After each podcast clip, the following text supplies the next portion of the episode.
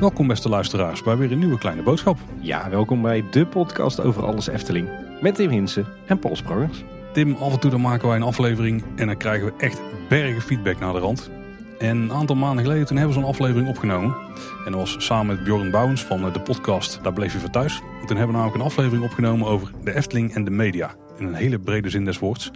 En we hebben daar nou echt, ik denk als we postzakken hadden gekregen dan, dan waren het er meerdere vol denk ik.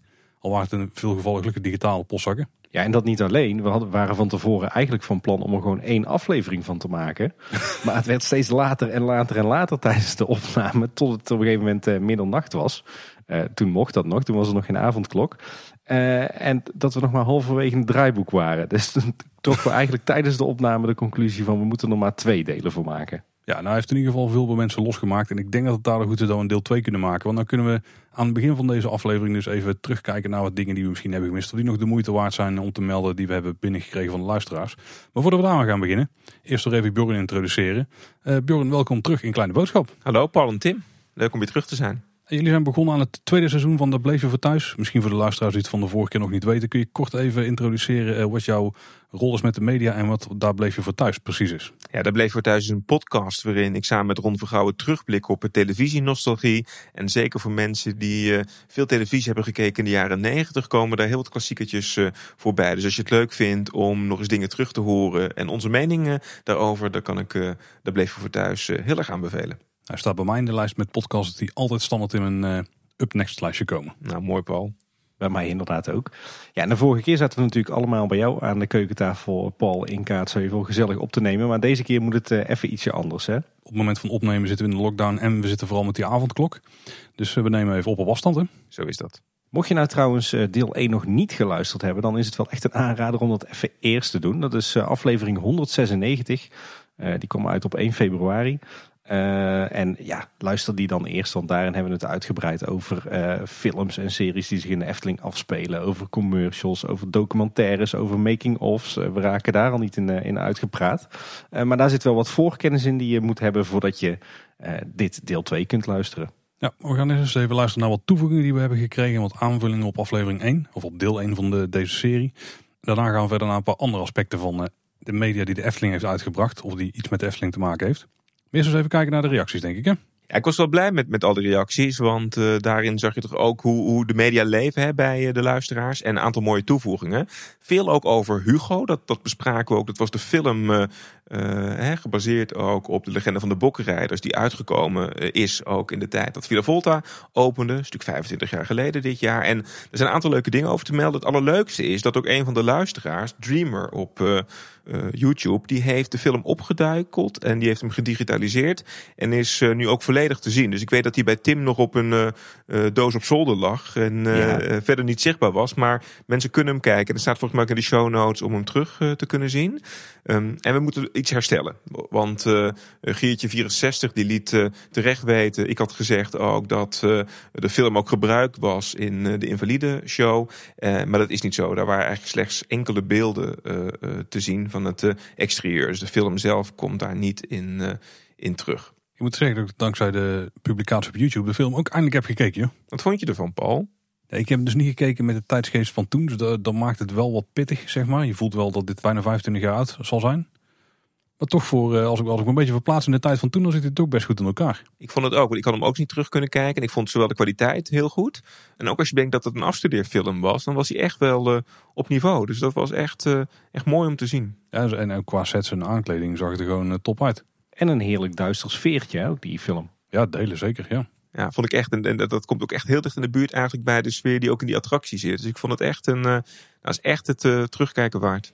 Misschien trouwens om je even aan te vullen, Bjorn, want jij zei al, mensen kunnen deze film gaan terugkijken op YouTube. En we gaan daar een linkje naartoe uh, opnemen in onze show notes. Dat geldt voor uh, heel veel films en video's en mediaproducties die we deze aflevering gaan bespreken. Uh, die, alle show notes waar we naar verwijzen, die vind je weer op kleineboodschap.com bij de aflevering. Dat is een hele reeks. Dus als je zin hebt om even je helemaal weg te dromen in de Efteling, dan kun je even vooruit, denk ik zomaar. Doe dit niet op een werkdag. Precies.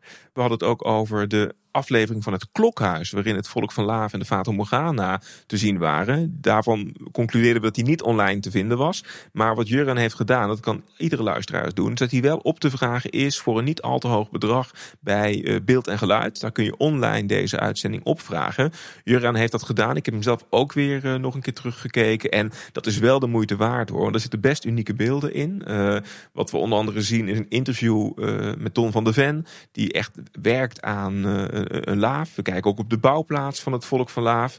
Uh, achter de schermen bij de Fata Morgana, waarin je ook die fantastische werking van dat nokkenschrijfsysteem kunt zien. Uh, hoe babylaafjes worden gemaakt, met waarschijnlijk een hele jonge Marie van Heumen in beeld. Hoe de Trollenkoning is gemaakt. Ja, het zijn echt hele mooie, unieke beelden. Soms wel los te zien in andere making-ofs. Maar deze aflevering bij elkaar is de moeite waard. We zullen ook de link delen met hoe je die aflevering kunt uh, bestellen bij beeld en geluid. Maar dat is echt wel uh, interessant om nog eens te kijken. Ja, absoluut. Ik heb deze een paar keer als kind gezien, gewoon op, uh, op televisie. die is een aantal keer herhaald bij het klokhuis. En ja, dit is echt de moeite waard om te kijken. En heel tof dat je die nu dus ook terug kan kijken. Vorige keer hadden we ook uh, terug op de werkvloer, waarin Olaf Vugts weer uh, mee ging werken in onder andere de horeca en bij de attracties in de Efteling. En Roy die vroeg zich af, um, hoe zit dat nu? Want ik zei dat hij in 2002 was uitgezonden. Alleen volgens de themakleding zag Roy heel erg toch ook beeld uit 2001. Dat klopt, dus de correctie is dat het is opgenomen in 2001, maar hij is uitgezonden in januari van 2002. Dus Roy heeft dat heel scherp gezien. En wat ook wel leuk is, want in deel 1 spraken we ook uitgebreid over uh, uh, de film uh, Peter en de Vliegende Autobus. En, en toen vertelden we dat die ook wel een link heeft met de film Overvallers in de Dierentuin, die opgenomen is in Dierenpark Amersfoort. En een luisteraar wees ons terecht op dat die hele film ook integraal terug te kijken is op YouTube. Dus ook als je nog breder dan de Efteling leuke content wil kijken, waarin in ieder geval ook dierentuinen centraal staan, dan Overvallers in de Dierentuin kijken. Het kan gewoon.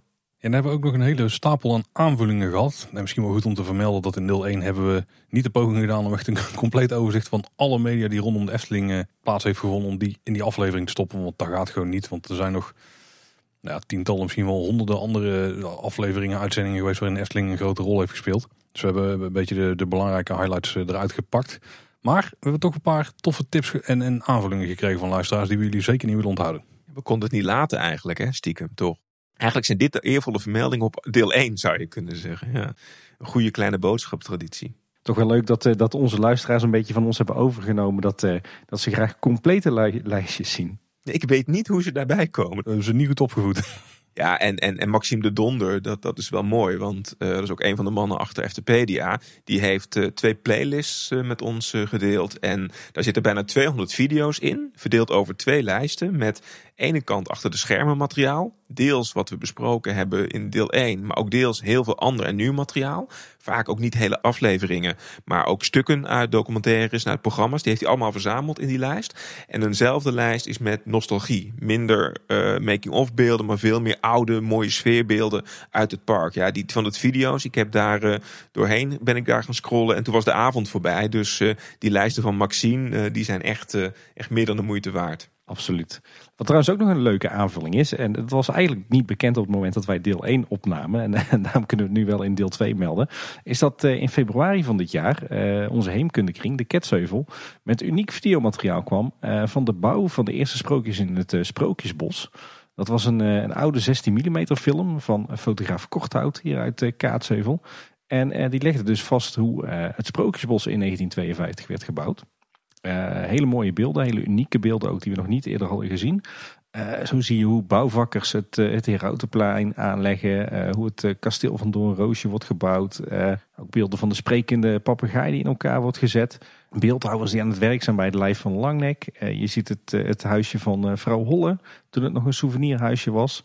en wat, wat ik vooral bijzonder vond, waren de beelden van de Chinese nachtegaal. Nog op het muurtje waar nu Draak Licht geraakt op zit. Die waren ook heel erg mooi. Ja, die kende je bijna alleen maar van foto's. Hè? Dus dat je daar bewegend beeld echt van zag, vond ik echt wel uniek. Weet je wat me ook zo opviel? Dat, dat, dat klinkt logisch nu je het ziet, maar ik vond dat dat bos nog zo klein is en niet vol aangegroeid. Dat vond ik ook een soort van heel surreëel. Ik weet niet of jullie dat ook uh, hadden. Ja, ja, inderdaad. Het waren echt uh, de woeste gronden hè, die ze dus uh, ontgonnen hadden voor het Rooms-Katholieke Sport- en Wandelpark. Waar waar een, de boompjes ja, pas net, nou wat zal het zijn, 15 jaar aan het groeien waren. En dat, dat zag je inderdaad wel terug. Het groen was allemaal nog wel heel erg jong in het park. Maar ook echt het ambachtswerk. En nu ook ziet eigenlijk toen al met hoeveel nou ja, vakmanschap ook, ook die eerste tien sprookjes zijn gemaakt. Ik vond het echt een unieke film die inderdaad uitkwam naar deel 1. Maar, maar echt, voor mij is het echt de eerste film die zo uh, mooi in beeld heeft gebracht hoe die eerste fase van de Efteling tot stand gekomen is. En dat daar bewegend beeld van is. Ja, het is echt heel mooi dat dat opgedoken is. Ja, zeker. Ja ook leuk was een uh, hele bijzondere promotiefilm uit uh, de jaren 70. Dat was een souvenir. Ik kende het niet. Um, dus uh, via een luisteraar ontdekten we die film. We zullen hem uiteraard linken in de show notes. Maar dat is ook een soort heel gek verhaal. Dat gaat over een jongetje die verkleed als kabouter door het park loopt en dan alles laat zien. Nou ja, het acteerwerk van die kabouter, um, die heeft denk ik goed zijn best gedaan. Maar dat was echt vrij rampzalig. Maar je ziet wel heel erg dat jaren 70 beeld ook van het, het, het park in, uh, in ontwikkeling. Uh, dus je ziet ook wel de aandacht bijvoorbeeld voor het kabouterdorp nog in een, uh, niet in, in de fase zoals we hem nu kennen. Maar wel is, is dat toch eigenlijk een van de nieuwigheden die op dat moment flink in het zonnetje wordt, wordt gezet. Ja, dat is echt een hele mooie film die uit het archief op, opdook. Um, in het eerste deel hebben we heel veel aandacht besteed ook aan Anton Pieck. En we hebben daar ook een aantal documentaires besproken over het, uh, het leven van Anton Pieck. Maar Marcel Slange die uh, tipte terecht een documentaire over een andere grondlegger van de Efteling. Die toch een beetje onderbelicht is gebleven in deel 1. En dat is een documentaire die gaat over Peter Reinders. En uh, die documentaire heet van film tot sprookje. En uh, ja, dat, ik had er ooit beelden van gezien, maar ik ben terug gaan kijken door de tip van, uh, van Marcel. En dat is echt wel fantastisch, want een groot deel van die documentaire gaat echt over zijn werk voor de Efteling. Ehm, en, en laat ook zien ook hoe het technisch vernuft waarmee hij dat park wilde bouwen. Ja, dat is echt een mooi inkijkje. En daar zitten ook echt weer hele unieke beelden in. Dus film tot sprookje is ook echt de moeite van het kijken waard. Ja, schitterende oude beelden inderdaad. Uh, een, toevoeging die ik wel graag wil doen, omdat dit voor mij echt jeugdsentiment uh, is, uh, zijn natuurlijk de Efteling sprookjesshows. de bekende shows uit, ja, wat zal het zijn, midden jaren negentig. Die plaatsvonden in het, het Zomertheater, hè, de witte tent die over het oude zwembad heen was geplaatst. wat mij betreft een van de beste, nou misschien wel beste shows die ooit hebben gedraaid in de Efteling. Uh, en die zijn ook terug te zien op, uh, op YouTube. Uh, niet meer allemaal in even goede kwaliteit, maar goed, beter iets dan niets. zo kan je de sprookjesshow uit 96, 97 terugkijken op YouTube. Dat is de, de allereerste en wat mij betreft ook de allerbeste sprookjesshow. maar ook de sprookjesshow die daarna kwam, die draaide van 98 tot 2001. Die is te zien op YouTube in twee delen. Uh, en ook de show die daarna kwam in het, uh, het nieuwe Efteling Theater aan de Vondelplas. De wonderlijke Efteling Show. Die kan je ook gewoon nog, uh, nog terugkijken. die shows die zijn allemaal uitgebracht op videoband. Ik geloof dat de wonderlijke Efteling Show op DVD is, is uitgebracht. Maar heb je die nou niet in je collectie zitten, dan, dan kan je ze nu dus ook gewoon gratis en voor niks op YouTube zien. En dan krijg je een hele mooie impressie van ja, het park entertainment eind jaren 90. Eigenlijk was het overbodig voor jou toch, Tim? Want jij kon dat gewoon toch al uit je hoofd meezingen. Dus dit, dit... Ik, eh, ik zal dat niet ontkennen, inderdaad. Nee, ik heb, uh, ik heb menig uur versleten in het, uh, het zomertheater destijds op een van de eerste rijen. Dus uh, nee, die, dat zit er nog steeds wel ingeramd, ja. ook over park entertainment gesproken. In de jaren negentig waren natuurlijk ook Samson en Gert kind aan huis in de Efteling met uh, zomershows. Maar dat, nou, dat bleef niet alleen bij die zomershows. Het is wel leuk dat uh, de Vijf Zintuigen, die hebben afgelopen jaar de show uit 1997 integraal uitgebracht op YouTube. Dus daarin zie je ook het zomerse entertainment nog eens terug van Samson en Gert. Maar er zijn al een aantal andere leuke dingen. Want ook in diezelfde zomermaanden werden ook de muziekclips van de liedjes die Samson en Gert dan uitbrachten. Daar werden de clips ook van in de Efteling opgenomen. En ja, twee moet, moet je echt terugkijken, denk ik, als hebben, Want uh, de clip Ik ben verliefd. Ik was het liedje kwijt. Maar als je het weer terugluistert, dan zit het weer in je hoofd, kan ik je vertellen. Maar ja, Samson en Gert en alle vrienden in de Piranha, in de Game Gallery, in de, in de stoomtrein. Dat was echt wel heel grappig om, uh, om terug te zien. Maar ook uh, Piraten van de Zee, een andere klassieker, die is helemaal opgenomen in de halve maan. Dus die is ook echt zeker wel het, het bekijken waard. Ja, en um, wat natuurlijk ook daar wel leuk aan is, is dat natuurlijk Gert Verhulst natuurlijk ook wel getroffen was over hoe zo'n pretpark nou werkt in de zomer Hè? Dus ook in de jaren negentig, toen hij daar kind aan huis was met zijn pluche hond, dacht hij van goh is dat ook niet iets voor, voor mij. Dus je zou kunnen zeggen dat de Efteling toch ook wel aardig bijgedragen heeft in wat uiteindelijk Plopsaland geworden is. En dat je los van media, en daar gaan we denk ik straks ook nog wel over hebben, dat natuurlijk heel veel andere vormen zijn om publiek te bereiken en betrekken bij een, een merk. En nou, daar heeft Efteling denk ik wel een steentje aan bijgedragen ook voor Gert Verhulst en daarmee het hele Plopsa-imperium. Ja, zeker. Ja, daar kun je ook meer over horen in de aflevering die we hebben opgenomen met Reinhard van Assen de Koning. Die vertelt daar uitgebreid over. Overigens komt die, eh, die videoclip Piraten van de Zee hier eh, nog geregeld voorbij op mijn uh, YouTube playlist. Voor, voor de kinderen natuurlijk. Uh -huh, uh -huh. Ja, en wat ook mooi is trouwens, is, je, je zei het al Bjorn, die is voor een groot deel in de halve maan opgenomen. maar ook hele mooie beelden daar nog van de Fata Morgana aan de Vonderplas. Nog zonder Aquanura, zonder Efteling Theater. en ook nog, nog wat beelden bij het Spookslot. Dus ook dat is een hele toffe videoclip inderdaad. Nou, dit was eigenlijk een klassiek rondje follow-up, normaal gesproken in onze nieuwsafleveringen. Maar nu voor een, een thema-aflevering. Maar we gaan meteen verder, want we moeten natuurlijk nog een hoop bespreken. Want we hebben een aantal aspecten van de media dus al eh, besproken, zoals jij in het begin al aanhaalde, Tim. Maar er zijn nog een paar eh, onderdelen die we nog niet hebben besproken. En daar zit hem vooral ook voor een heel groot deel in zaken geproduceerd door de Efteling zelf. Wat we in deel 1 vooral hebben gezien zijn programma's die zich in de Efteling afspeelden. We hebben gezien het nieuws over de Efteling, maar vooral ook de making-ofs en documentaires over de attracties. En uh, ja, wat we vandaag uh, gaan doen is uh, een andere fase van de Efteling benadrukken. En dat is eigenlijk de periode waarin Efteling Media wordt wordt opgericht. Dat is gebeurd trouwens in 2004. Uh, eh, dan heet het nog Efteling Media Producties. Dat is uh, vanaf 2007 Efteling Media geworden. En uh, dat is echt het moment waarop de Efteling zegt dat ze zich ook zelf willen richten op het produceren en vermarkten van televisieprogramma's. en dat doen ze soms door zelf die content te maken. En soms ook door daar gewoon partners of externe producenten op te zetten om dat te gaan doen. Het is echt wel een keuze, denk ik, om, om te zeggen van wij willen los van dat uh, attractiepark uh, ons ook echt op andere plekken zichtbaar maken. Je zou kunnen zeggen dat het bijna tegenovergestelde is wat, wat bijvoorbeeld Disney deed. Hè? Daar, is natuurlijk uiteindelijk vanuit een hele filmindustrie gewerkt naar, naar een pretpark toe. En, en eigenlijk wilde de Efteling 2004 de tegenovergestelde beweging uh, maken, zou je kunnen zeggen. Dus veel meer vanuit het attractiepark en het merk wat daarbij is, kijken hoe dat nou breder kan worden getrokken in, in de wereld. Oorspronkelijk proberen ze daar veel programma's te maken voor de publieke omroep en ook voor, voor RTL. En dat gebeurt vooral ook omdat er rondom een aantal producties bij de publieke omroep wat gebeurd is. Daar kunnen we denk ik zo meteen nog wel op in gaan, gaan zoomen. En er wordt zelfs in het park volgens mij een ingreep gedaan. Want vrij onverwachts wordt uh, de waterorgelfoyer omgebouwd tot, uh, tot televisiestudio voor dit doeleinde. Dat doet af en toe nog wat pijn, toch? Bij veel mensen wel, ja. Wat er wel ook, als je dat met terugwerkende kracht bekijkt trouwens, dan is het best een investering om zo'n studio ook op zo'n prominente plek te bouwen in het park. En als je ziet hoeveel er daadwerkelijk nou daar opgenomen is, nou we zullen dat zo meteen ook zien in de producties die voortgekomen zijn uit Efteling Media, dan nou, dan valt dat eigenlijk best tegen. Dat is ook wel bijzonder om, om, om te zien. Dus of nou dat die investering helemaal zijn geld heeft terugverdiend, dat is denk ik maar de vraag. Het idee trouwens om op media te gaan richten komt uh, naar een idee van Olaf Vugts. Die, was, uh, die volgde een master en uiteindelijk is hij ook is een afstuderen bezig geweest om te kijken van hoe kun je ook dat park zo verbreden, uh, de IP van de Efteling eigenlijk op andere manieren ook ontsluiten. Dat hij na ging denken over hey, wat zou een crossmediale aanpak kunnen zijn.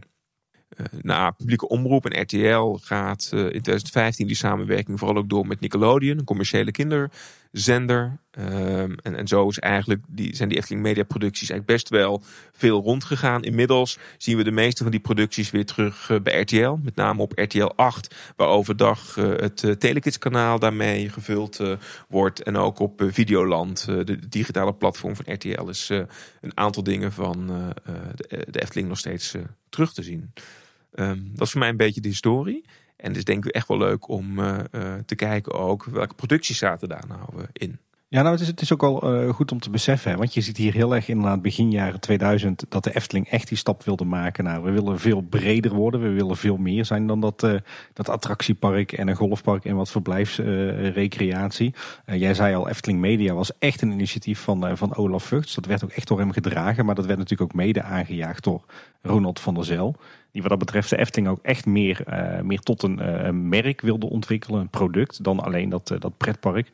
Daarbij werd hij natuurlijk ook weer ondersteund door, eh, door Pieter Cornelis, die inmiddels ook al eh, te gast is geweest bij ons. En je ziet dat nu, de afgelopen jaren, dat er een, eh, totaal omgekeerde beweging is. Hè. Je ziet dat, dat Fons Jurgens en zijn managementteam er juist voor kiezen om zich heel erg te gaan focussen op, op het park. Uh, de core business, kan je van alles van vinden. Gaan we later vandaag uh, ook zeker doen. Uh, maar je ziet nu eigenlijk een omgekeerde ontwikkeling. Hè? Die, zo'n beetje alle activiteiten die niks met het park te maken hebben, die worden stap voor stap afgebouwd. En Efteling Media en, en überhaupt de mediaproducties in algemene zin. dat was eigenlijk zo'n beetje het eerste bedrijfsonderdeel wat, wat sneuvelde. Klopt, en, en, we kunnen het straks over hebben hoe slim dat is, hè, dat dat uh, gebeurt. Je ziet het ook wel in, in de producties. Natuurlijk komt op een gegeven moment ook YouTube om de hoek kijken. Dus dat heeft denk ik ook wel impact op die mediaactiviteiten. Um, maar tegelijkertijd als je gewoon ziet ook uh, hoeveel producties er in het begin waren... en hoe dat toch ook een beetje opgedroogd is in de loop van de jaren. Dat, dat zegt ook wel iets over de focus op die activiteiten. Ja, dus in, in die zin kijken we deze aflevering uh, echt terug op een tijdperk. Het tijdperk van Efteling Media. Wat we dus inmiddels alweer enkele jaren achter de rug hebben. Die van niet meer in die vorm zoals hij ooit begon inderdaad uh, actief is. En die denk ik ook niet meer gaat worden. In ieder geval niet de komende jaren denk ik, nee. Zullen we naar de productie zelf gaan kijken? De eerste productie komt uit 2004 en dat is de serie Sprookjes. Oeh, catchy naam. Goeie naam toch wel voor een Efteling Media productie? wel wat je verwacht. Er zijn drie seizoenen van gemaakt, van in totaal 26 afleveringen, uitgezonden tussen 2004 en 2008. En uh, het doel van die serie was vooral ook om uh, sprookjes, met name de sprookjes die in het Sprookjesbos te zien waren, om die in, in beeld te brengen. De serie is geproduceerd met Catnet, de, van de Vlaamse publieke omroep. daar de, de, de kinderzender van. En de serie is eh, opgenomen in de Efteling. Waarvan seizoen 1 alleen Sprookjesbos te zien is. En seizoen 2 en 3 die zijn ook op andere plekken in het park uh, gefilmd. Ook in Nederland zijn die vervolgens uitgezonden bij de KRO. Um, en Ketnet had de wens om een serie te maken over sprookjes. En de Efteling had eigenlijk daar ook wel behoefte aan. Omdat ze dachten, als we toch een Efteling Media productiekant uh, hebben ontwikkeld... hoe mooi is het dan ook niet om die Vlaamse markt aan te gaan uh, boren. Want ook op het moment dat wij op een kinderzender kunnen laten zien uh, hè, uh, wat, de Efteling als hoeder van de sprookjes allemaal in huis hebben, dan, dan zou je daar ook uiteindelijk volgens mij de Vlaamse bezoekersaantallen mee kunnen vergroten. Alleen dat was nooit expliciet, want ook het is Vlaamse publieke televisie, dus, dus je kunt dat nooit echt als commercial gebruiken. Alleen in dat decor, dat is herkenbaar en daardoor leidt het toch ook wel tot, tot extra bezoeken. Dat was wel de afspraak ook dat er dus geen directe verwijzingen naar de Efteling in mochten zitten om die reden. Want het mocht geen reclameuiting uh, zijn. Dus iedereen wist wel waar het zich afspeelde, maar het was nergens expliciet aan, uh, aan de orde. Wat echt super leuk is, want het is uiteindelijk dus voor de Belgische markt ge gemaakt. Het is een Vlaams-Nederlandse productie geworden. en daarmee zijn er ook Nederlandse en Vlaamse acteurs te zien. Maar een van mijn lievelings-Vlaamse acteurs, die, ja, Jean de Cler, die, die, die, die ja. is de verteller in die serie. En dat is zo ontzettend leuk om ook terug te kijken. Dat doet hij erg goed. Ja. Jazeker, en dat is weer uh, jeugdsentiment. Want Jan de Cler was, of was, is, ja, was de, de Vlaamse hulp Sinterklaas. Ja. En ik weet niet hoe het met jullie, met jullie zit, maar toen wij vroeger voor de buis zaten om naar Sinterklaas te kijken, keken we niet alleen naar de Nederlandse Sinterklaas-programma's, maar zeker ook naar die van de Belgische omroep. Absoluut. Dus Dag Sinterklaas, dat is een legendarische serie met Bart Peters. Uh, daar uh, zullen dus ook veel uh, mensen met jeugdringen van kennen. En, en twee films waarin hij ook zit, die ook echt is bijvoorbeeld Daans, dat is echt een fantastische film. Um, en Karakter, dat is een van de beste Nederlandse films ooit gemaakt. En daar zit hij ook in. Maar goed, Sprookje is natuurlijk ook een van zijn meeste werken. Laten we daar niet, uh, niet lullig over doen. Het was trouwens echt meteen een groot succes. Hè? Dus ook, het was de eerste productie waarmee Efteling Media naar buiten kwam.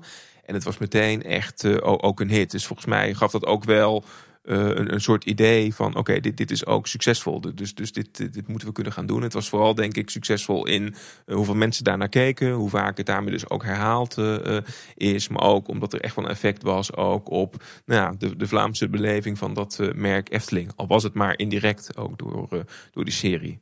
Dat is ook wel bijzonder om te vertellen, is dat uh, wat de Efteling natuurlijk ook in Sprookjesbos doet, is vaak natuurlijk een bepaald fragment uit een sprookje uitlichten en niet het, het hele verhaal uh, vertellen. En, en voor uh, de verfilming van deze sprookjes is vaak eigenlijk het, het, stuk wat de Efteling eh, centraal heeft uh, gesteld, dat dat wordt ook als basis opgenomen. Had twee redenen. Aan de ene kant om ervoor te zorgen dat de herkenbaarheid van het sprookje ook heel erg dat Efteling perspectief is. En de tweede ook in vooral ook de decors die werden gebruikt. Dat, dat was dan ook passend, zeg maar, bij dat fragment uit het verhaal. Dus dat was een tweeledig doel. En ja, wat, wat mij betreft, kijk, dit was de, de allereerste echte eigen mediaproductie van de Efteling. En als je het mij vraagt, ook misschien wel een van de beste.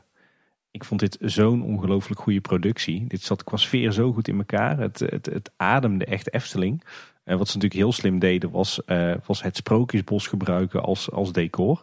Niet per se uh, ieder sprookje ook daadwerkelijk opnemen in het sprookje in de Efteling. Maar er werden dus ook andere sprookjes gebruikt of, of onderdelen van andere sprookjes uh, in de opnames van het sprookje dat je zat te kijken. maar ook andere beelden uit het park. Um, en het zat gewoon zo goed in elkaar qua, qua vertelling, eh, qua decors, qua sfeer, qua belichting. Uh, een hele ja, echt Eftelingse, uh, misschien wat licht duistere sfeer af en toe ook. Nou, vooral ook met dank aan Jan de Cler natuurlijk als, als verteller. Dus qua sfeer voelde dit gewoon erg Eftelings. Het, het, het was ook gewoon les is more. Het, het was denk ik ook niet per se een hele dure productie. Maar, maar, maar door het, het bestaande park eigenlijk te gebruiken als decor, had je gewoon een prachtig decor, uh, prachtige kostuums, uh, goede belichting, goede muziek. Ja, dat werd gewoon een heel mooi sferisch, uh, sferische serie neergezet. Die, ja, die echt alle klassieke Efteling sprookjes verfilmde. Ik geloof dat er 26 afleveringen zijn geweest in totaal. dus, dus heel veel sprookjes die we kennen uit de Efteling zijn daadwerkelijk in die serie verwerkt. Ja, minifilmpjes zijn het eigenlijk hè? Ja, echt kunstwerkjes wat mij betreft. We linken er eentje in de show notes. Uh, dat is de aflevering van Doorn Roosje. Die heb ik ook op mijn gemak even zitten bekijken. De tand destijds is daar ook niet heel erg uh, goed voor geweest. Uh, er zitten wat special effects in. Een aantal achtergronden zijn zeg maar computer gegenereerde beelden. Oké, die, zijn, die, die vallen enigszins door de mand. Maar toch, ze werken wel denk ik. En wat wel heel tof was om te zien is hoe ze dan ook de omgevingen daarbij gebruiken. Want ze gebruiken daar dus echt het kasteel gewoon van, van door een roosje. En bijvoorbeeld de scène, of eigenlijk het decor waar uh, Sneeuwwitje zich prikt aan het spinningwiel, is ook gewoon echt de ruimte waar uh, de boze vee zit te spinnen, zeg maar. Dus die hebben ze voor, ja, voor die productie weggehaald. Ze hebben ook uh, door een roosje zelf weggehaald. Want door een roosje strijkt uiteindelijk ook neer op dat bed. Met de tekening van Anton Pieker boven, met de schildering erboven. Dus dat is heel tof. en een paar dingen die ik wel de moeite vond om te noemen is als het kasteel begroeit. Dan hebben ze toch stiekem wat shots buiten Sprookjesbos gebruikt. Want dan gebruiken ze de voorgevel van het spookslot om daar de klimop tegenaan te laten groeien. En daarna switchen ze gewoon terug naar uh, het uh, kasteel van Doornroosje. Alsof wij het niet door hebben als liefhebbers natuurlijk. En uh, ook een paar hele mooie effecten dat als de prins aankomt lopen. Dan loopt hij door de poort die daar, die daar op de trap zit naar boven, naar het kasteel toe. Uh, tenminste, daar wil hij doorheen lopen. Alleen die is natuurlijk volgegroeid met, uh, met uh, dorens en met rozenstruiken. En daar prikt hij met zijn zwaard in en poef, in één keer is hij weg. Nou, dat is ook echt een van de beste cuts ooit, denk ik, in filmhistorie. Ja. Licht sarcasme zit er in die laatste opmerking. Nou, de, voor jouw geruststelling, Paul, zo zitten uh, alle, alle andere afleveringen ook in elkaar. Hoor. Die, uh, ze maken wat dat betreft wel heel erg slim gebruik van, uh, van de verschillende plekken in de Efteling om, om de sprookjes uit te beelden. dus je ziet echt dat ze door het park heen springen binnen één sprookje. Het is bijna alleen wel interessant om te kijken hoe ze de decors of de plek in Efteling zelf hebben gebruikt. Want nogmaals, bij Door een Roosje hebben ze dus de boze vee hebben ze weggehaald. Dus hebben we Door een Roosje weggehaald.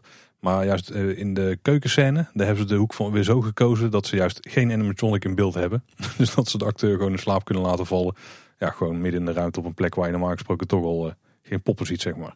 Dus ook daar heel tactisch gebruikt voor de liefhebbers leuk om al die plekken te spotten en te weten waar ze echt zijn. In plaats van wat er verbeeld uh, wordt. En ik vind ook wel een goede vraag op Flappy. Die, die hadden we in deel 1. En dat was uh, een soort vanzelfde werkwijze. Want die ging ook in alle decors. Maar die ging een beetje hardhandig met al die animatronics om. Dus ik vind dit, uh, je kan ook respectvol. Dat vind ik wel goed aan, aan sprookjes. Tempo ligt ook wel lager, denk ik, dan bij Flapping Machine. Zeker weten. Dat kan zelfs dan. Ik denk dat er destijds ook wel een aardige ploeg aan, eh, aan vormgevers en decorateurs en, eh, en eh, mensen van de technische dienst mee heeft gelopen om al die locaties eh, klaar te krijgen voor opname. Daar geloof ik achter elkaar, dat kan bijna niet anders. Zeker weten. Overigens, Paul, jij zei al, al hij is eh, terug te kijken op, eh, op YouTube. Eh, maar hij is destijds ook uitgebracht op DVD. Hè? Tenminste, de, de eerste twee seizoenen zijn op DVD uitgebracht. In totaal vijf losse DVD's. Eh, seizoen drie hebben ze uiteindelijk niet meer op, eh, op DVD eh, uitgebracht. En jij, jij, jij kijkt toch nog dvd's, Tim? Eh, zo nu en dan, ja. Dus dat is wel goed ook om dat wel te vermelden. ja. Ze liggen hier ook weer op zolder, dus Kijk, dat zal goed, niemand verrassen. Iedere keer weer door die copyright notice heen zitten. Oh, dat frustreerde me toen al. En ik zei het al, Sprookjes was, eh, was wat mij betreft een van de beste mediaproducties eh, die de Efteling ooit heeft, eh, heeft uitgebracht. Maar eh, nu gaan we toch zoetjes aan naar, eh, nou, eh, toch zeker de meest succesvolle en meest houdbare mediaproductie die de Efteling heeft gemaakt. Ja, het is ongekend. Hè? We gaan het hebben over Sprookjesboom. Die, het zag het levenslicht in 2007. En ja, dat is wel natuurlijk een bijzonder project. Want het is natuurlijk voor het eerst ook dat er een mediaproductie werd gestart. Die we pas ook later daadwerkelijk in het park hebben teruggezien. en ik eh, denk dat het alle verwachtingen heeft overtroffen. Want wat gebeurde er? Zijn natuurlijk karakters ontwikkelen. Wel gebaseerd op een aantal Sprookjesbosbewoners die we kenden. Maar die zijn door Geesink Studios eh, omgezet inderdaad in een eh, nou ja, aparte characters, figuren eh, onder de noemer Sprookjesboom. Sowieso is dat wel leuk, want Geesink Studios, dat is toch het bedrijf nou ja, van, van de nazaten van Joop Geesink. De man die het Carnavalfestival ooit eh, in de Efteling heeft ontworpen en heeft gerealiseerd. En nou ja, dus eh, 30 jaar later komt die naam toch weer terug als het gaat om het ontwikkelen van deze figuren. Ook hier heeft Olaf Vugts weer eh, een, een, een belangrijke rol. Die was geïnspireerd door de Fabeltjeskrant. Natuurlijk een hele klassieke kinderserie. Waarin ook met, met, met poppen een aantal hele eh, herkenbare karakters. Als Ed en Willem Bever en juffrouw Ooievaar en meneer de Uil. Eh, met, met dat idee dacht hij van als je dat nou eens zou omzetten op sprookjesbosbewoners. wat, eh, wat, wat krijg je dan? En dan krijg je dus de sprookjesboombewoners. en uiteindelijk wordt dat omgezet in een, in een hele serie onder productie van Motec Entertainment, een, een bedrijf. En wordt uitgezonden bij, bij de Tros. Ja, en, en, en dan begint het succes met heel veel eh, afleveringen. Waarin al die sprookjesbosbewoners dus heel veel avonturen beleven met elkaar. In afleveringen van vijf minuten, waarin eh, de sprookjesboom vertelt over wat er in het sprookjesbos eh, allemaal wel niet gebeurt. En die karakters vervolgens eh, ja, dat verhaal gaan beleven. Ik bedenk me dat er nog een hele obscure link is tussen Sprookjesboom en eh, de Fabeltjeskrant. Maar die bewaar ik voor eh, een puntje later in, deze, in dit lijstje. Oké. Die is er. Wat misschien nog wel even goed is om bij stil te staan is, eh, jij zei net al, de, de figuurtjes van Sprookjesboom zijn ooit in 2003 eh, ontwikkeld door Geesing Studios. Maar die waren in eerste instantie dus alleen maar bedoeld eh, voor merchandise en licensing. Dus niet als, als mediaproductie. Ik weet nog wel uit die tijd dat, dat die absoluut niet op enthousiasme konden rekenen onder Efteling fans en liefhebbers. Ze zagen er... erg cartoony uit. Meer cartoony dan hoe ze uiteindelijk in, in de televisieserie terecht zijn gekomen. Eh, en er was vooral toen, eh, zeker ook later toen de, de tv-serie werd ontwikkeld, een hele grote vrees bij eh, liefhebbers dat de figuren in het Sprookjesbos daadwerkelijk vervangen zouden worden door nieuwe versies die heel erg goed zouden lijken op die cartoony variant uit de Sprookjesboom. Dat is uiteindelijk natuurlijk gelukkig niet gebeurd. Maar het was inderdaad pas in, in 2005 dat, dat die figuurtjes die in eerste instantie voor merchandise bedacht waren, dat die echt werden ingezet als, ja, als hoofdrolspelers in de tv-serie. Ja, en dan gaat het hard, hè, want die figuurtjes die blijken echt aan te slaan. En, en, en, en die doen het eh, heel goed. En die, die 3D-animatieserie, daar zijn in totaal eh, 52 afleveringen van gemaakt. In eerste instantie vijf reguliere seizoenen met 10 eh, afleveringen. En later nog een aantal bijzondere, daar komen we zo meteen wel eh, op terug. Maar die waren echt heel erg populair. Zowel op televisie, in de serie, maar ook in de merchandise al meteen. Hè. Dus dat, dat, dat verkocht echt eh, Uh, die handpoppen die waren ontzettend populair. Dus die characters die deden het heel erg uh, goed.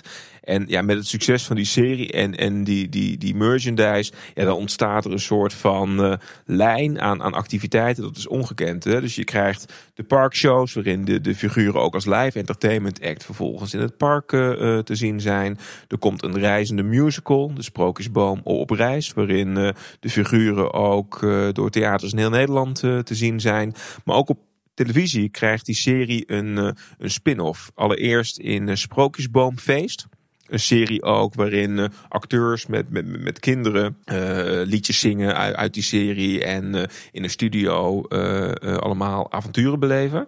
Ook een groot succes. Niet helemaal uh, goed afgelopen voor de Tros die dat uitzond. Want uh, uiteindelijk is de Tros beboet omdat dat Sprookjesboomfeest echt wel een te grote reclamespot was op de publieke televisie voor de Efteling. En wat daarmee samenhing. En dat betekent ook het einde van die serie. En deels ook wel het einde van die samenwerking met de Tros en de Efteling Media producties. om, omdat toch, dat toch expliciet was. Daarna ook nog een, een musical in het Efteling Theater over de Sprookjesboom. Uh, een film die van redelijk slechte kwaliteit is overigens. Dat is eigenlijk een lange aflevering. Maar uh, die, die serie was denk ik voor televisie prima geanimeerd. Maar zowel het verhaal als de kwaliteit van animatie op die film ja, die is wel uh, twijfelachtig. In een winter, winters landschap met wat slechte animatie, een soort lange aflevering, dat hield niet helemaal stand. Ja, en daarna nog meer musicals, een handpoppenshow, de Sprookjesboom show. Het is een ongekende reeks aan, aan activiteiten, gebaseerd allemaal op die karakters die ooit on ontwikkeld zijn. Ik wil nog even kort terug naar die film, want daar zit die obscure link dus met de Fabeltjeskrant. Want in de film zitten ook een paar stemacteurs die we in de serie zelf niet kennen. Eh, bijvoorbeeld Ali B. Die speelt volgens mij de ijsvakier. Want er zijn allemaal eh, tegenhangers in de ijswereld ze uiteindelijk terechtkomen. Uh, maar de ijsdraak die wordt vertolkt door Armin van Buren. Die speelt volgens mij een dubbelrol. Bekende DJ natuurlijk. En die speelde dus in de laatste Fabeltjeskant reboot ook een, een, rol. Want daar speelt hij namelijk DJ Wally Windhond. Dus uh, dat is dan de link met Sprookjesboom en de Fabeltjeskrant. Heel obscuur. Nou, ook heel erg geleerd vandaag. En in, en in beide gevallen kan je zo je vraagtekens zetten bij de kwaliteit van de spin-off. nou, de animatie van die Fabeltjeskrant uh, spin-off is wel wat beter dan die van uh, de Sprookjesboom. Maar die is ook dikke tien jaar recenter. Ja. Hey, misschien is het leuk om nog even door de, door de tijdlijn heen, heen te lopen. Want dan we hebben, krijgen onze luisteraars ook een idee van de, de, de veelheid aan, aan mediaproducties. want het was dus in 2003 dat voor het eerst de Sprookjesboom merchandise in het park verscheen. Dan startte de, de televisieserie, de animatieserie, startte in 2006 en die loopt tot 2009. In 2006 verschijnen ook meteen voor het eerst die, eh, die handpoppen in het park. Hè. De, de acteurs die, eh, die de karakters van Sprookjesboom eh, op hun hand hebben als pop. Ja, en in 2007 vindt er dan voor het eerst in het Openluchttheater in het Sprookjesbos een parkshow plaats. Sprookjesboom, er was eens. En ja, die shows die zijn eigenlijk sindsdien jaarlijks plaats blijven vinden. En nog steeds vinden we ieder jaar weer een nieuwe parkshow in het Sprookjesbos Theater met als thema de Sprookjesboom. Vervolgens ontstaat in 2008 de allereerste musical. De musical Sprookjesboom op reis. En die ging ook daadwerkelijk op tournee door Nederland. En in 2009 en 2010 was het Sprookjesboomfeest op, op televisie. Dat is die, die tv-serie waar jij het net al over had, Bjorn. die winter, dus de winter van 2009-2010, is er de, een tweede musical over Sprookjesboom. namelijk Sprookjesboom de Musical. nou, een hele makkelijke titel. En die speelt dan in het Efteling Theater. In 2010 verrijst dan daadwerkelijk fysiek de Sprookjesboom in het Sprookjesbos. Uh, veel gevreesd door fans. Uh, ik denk dat hij uiteindelijk esthetisch heel erg meeviel. alhoewel er nog steeds mensen zijn die, die zeggen dat hij eigenlijk niet in het Sprookjesbos thuis hoort. in 2012 dus de film Sprookjesboom, de, de, de film in Winterland. Van 2012 tot 2014 speelt dan in het Efteling Theater de musical Sprookjesboom de Musical een gigantisch avontuur. En van 2014 tot 2016 Sprookjesboom de Musical, een wonderlijk muziekfeest. In 2017 uh, eh, komt er uh, weer een nieuwe tv-serie, uh, namelijk de Sprookjesboom Show. En dat is een tv-serie die is gemaakt met die, die handpoppen zoals we die kennen uit de musicals en uit het, het in het park. En in 2019 en 2020 speelt ook nog eens Sprookjesboom de Musical in het Efteling Theater. En het meest recente wapenfeit, dat was natuurlijk het afgelopen zomerseizoen en najaar, het uh, Sprookjesboom Zomerconcert en later het Sprookjesboomconcert in het, uh, het Efteling Theater. Wat natuurlijk een, uh, ja, eigenlijk een last minute toevoeging was aan het, het entertainment aanbod van het park. Omdat er heel veel show, andere shows niet door konden gaan vanwege de coronapandemie. En daar kwam deze ja, fantastische show voor in de plaats. En in de winter van 2019-2020 ging de Sprookjesboom weer on tour. Sprookjesboom de musical. En die toerde toen door eh, Nederland en Vlaanderen. Het is toch een indrukwekkende lijst hè, met al die activiteiten zo. Um, dat, toch over dat moment, hè, dat in 2010 ook iets vanuit wat uit merchandise en lijsting is ontstaat in het Sprookjesbos uh, komt. Dat is echt wel uh, beladen geweest. Denken jullie nou dat dat iets is wat de Efteling nog een keer aan zou uh, durven? Om, om iets wat niet in eerste instantie voor het park ontwikkeld is, later dan toch in het park te plaatsen? Als iets hebben wat succesnummertje is, dan zie ik niet in waarom ze het niet zouden willen doen. Ik denk dat er wel wat twijfels zijn te trekken bij uh, ja, hoe de Sprookjesboom Legacy eh, is meegenomen in het park zelf. Misschien kunnen we daar, daar nog even los over hebben. Maar ik denk dat ze misschien wel een beetje voorzichtig mee zijn met wat het resultaat kan zijn binnen het park. Ja, want jij zei het al, Bjorn. Het is natuurlijk een hele indrukwekkende lijst aan, parkshows, aan musicals in de Efteling, aan musicals op tournee. Natuurlijk de verschillende tv-series, geanimeerd en live action. Um, natuurlijk de, de, de fysieke sprookjesboom in het park. Maar eh, Sprookjesboom is natuurlijk vooral een enorme klapper qua merchandise. Eh, want als je ziet wat er in de loop der jaren is, is uitgebracht. Uh, een heel aantal kinderboekjes met daarin uh, de verhalen zoals we die kennen uit de tv-serie. Een drietal verschillende cd's. de serie is natuurlijk ook op dvd uitgebracht. Maar verder kan je het zo gek niet bedenken. Of er zijn sprookjesboom souvenirs van. Hè? Of het nou de jurken zijn van Assepoester, een badjas van Draak potloden en pennen, broodtrommels, drinkbekers. Uh, ja, de hele machtskamer en de Efteling, eh, Efteldingen staan vol met Sprookjesboom merchandise. Ik denk dat, uh, dat dat de Efteling nog vele malen meer geld opgeleverd heeft dan uh, puur en alleen de mediaproducties rond Sprookjesboom. Ja, en vergeet niet de tandenborstels en de tandpasta. Die zijn erg nuttig, want Sprookjesboom kon je namelijk ook vinden met alle figuurtjes op pakjes drinken en koekjes en snoep en zo. Dat is inmiddels dan wel de winkels uit. Maar nog steeds, je kon het echt overal vinden op een gegeven moment. Daarom is het zo interessant, hè? want uiteindelijk heeft de Efteling hiermee eigenlijk ook eigen intellectual property ontwikkeld. Wat ja. uh, natuurlijk vervolgens in de media zijn plek heeft gekregen. In het attractiepark, in merchandise. Dus het is natuurlijk ook echt een prachtig voorbeeld van hoe dat dus ook verder gaat dan, uh, uh, dan een attractie alleen. Dus dat je echt op veel plekken daarmee zichtbaar bent. En het is ook best, ook voor een commercieel bedrijf, is natuurlijk ook een interessant businessmodel. Want je kunt ook die ontwikkelkosten die je er ook op maakt, ook voor die mediaproducties, ja, die verdien je dubbel en dwars terug. omdat dat merk, die IP zo sterk is. En bij kinderproducties heb je ook ook nog het geluk dat dat een soort van generatie op generatie overgaat.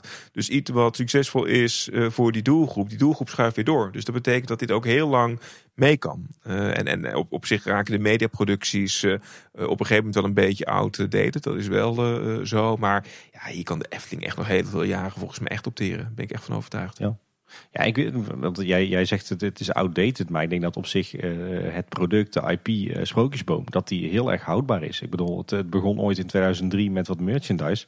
We zitten nu in 2021 en ik denk dat Sprookjesboom nog steeds uh, onverminderd populair is.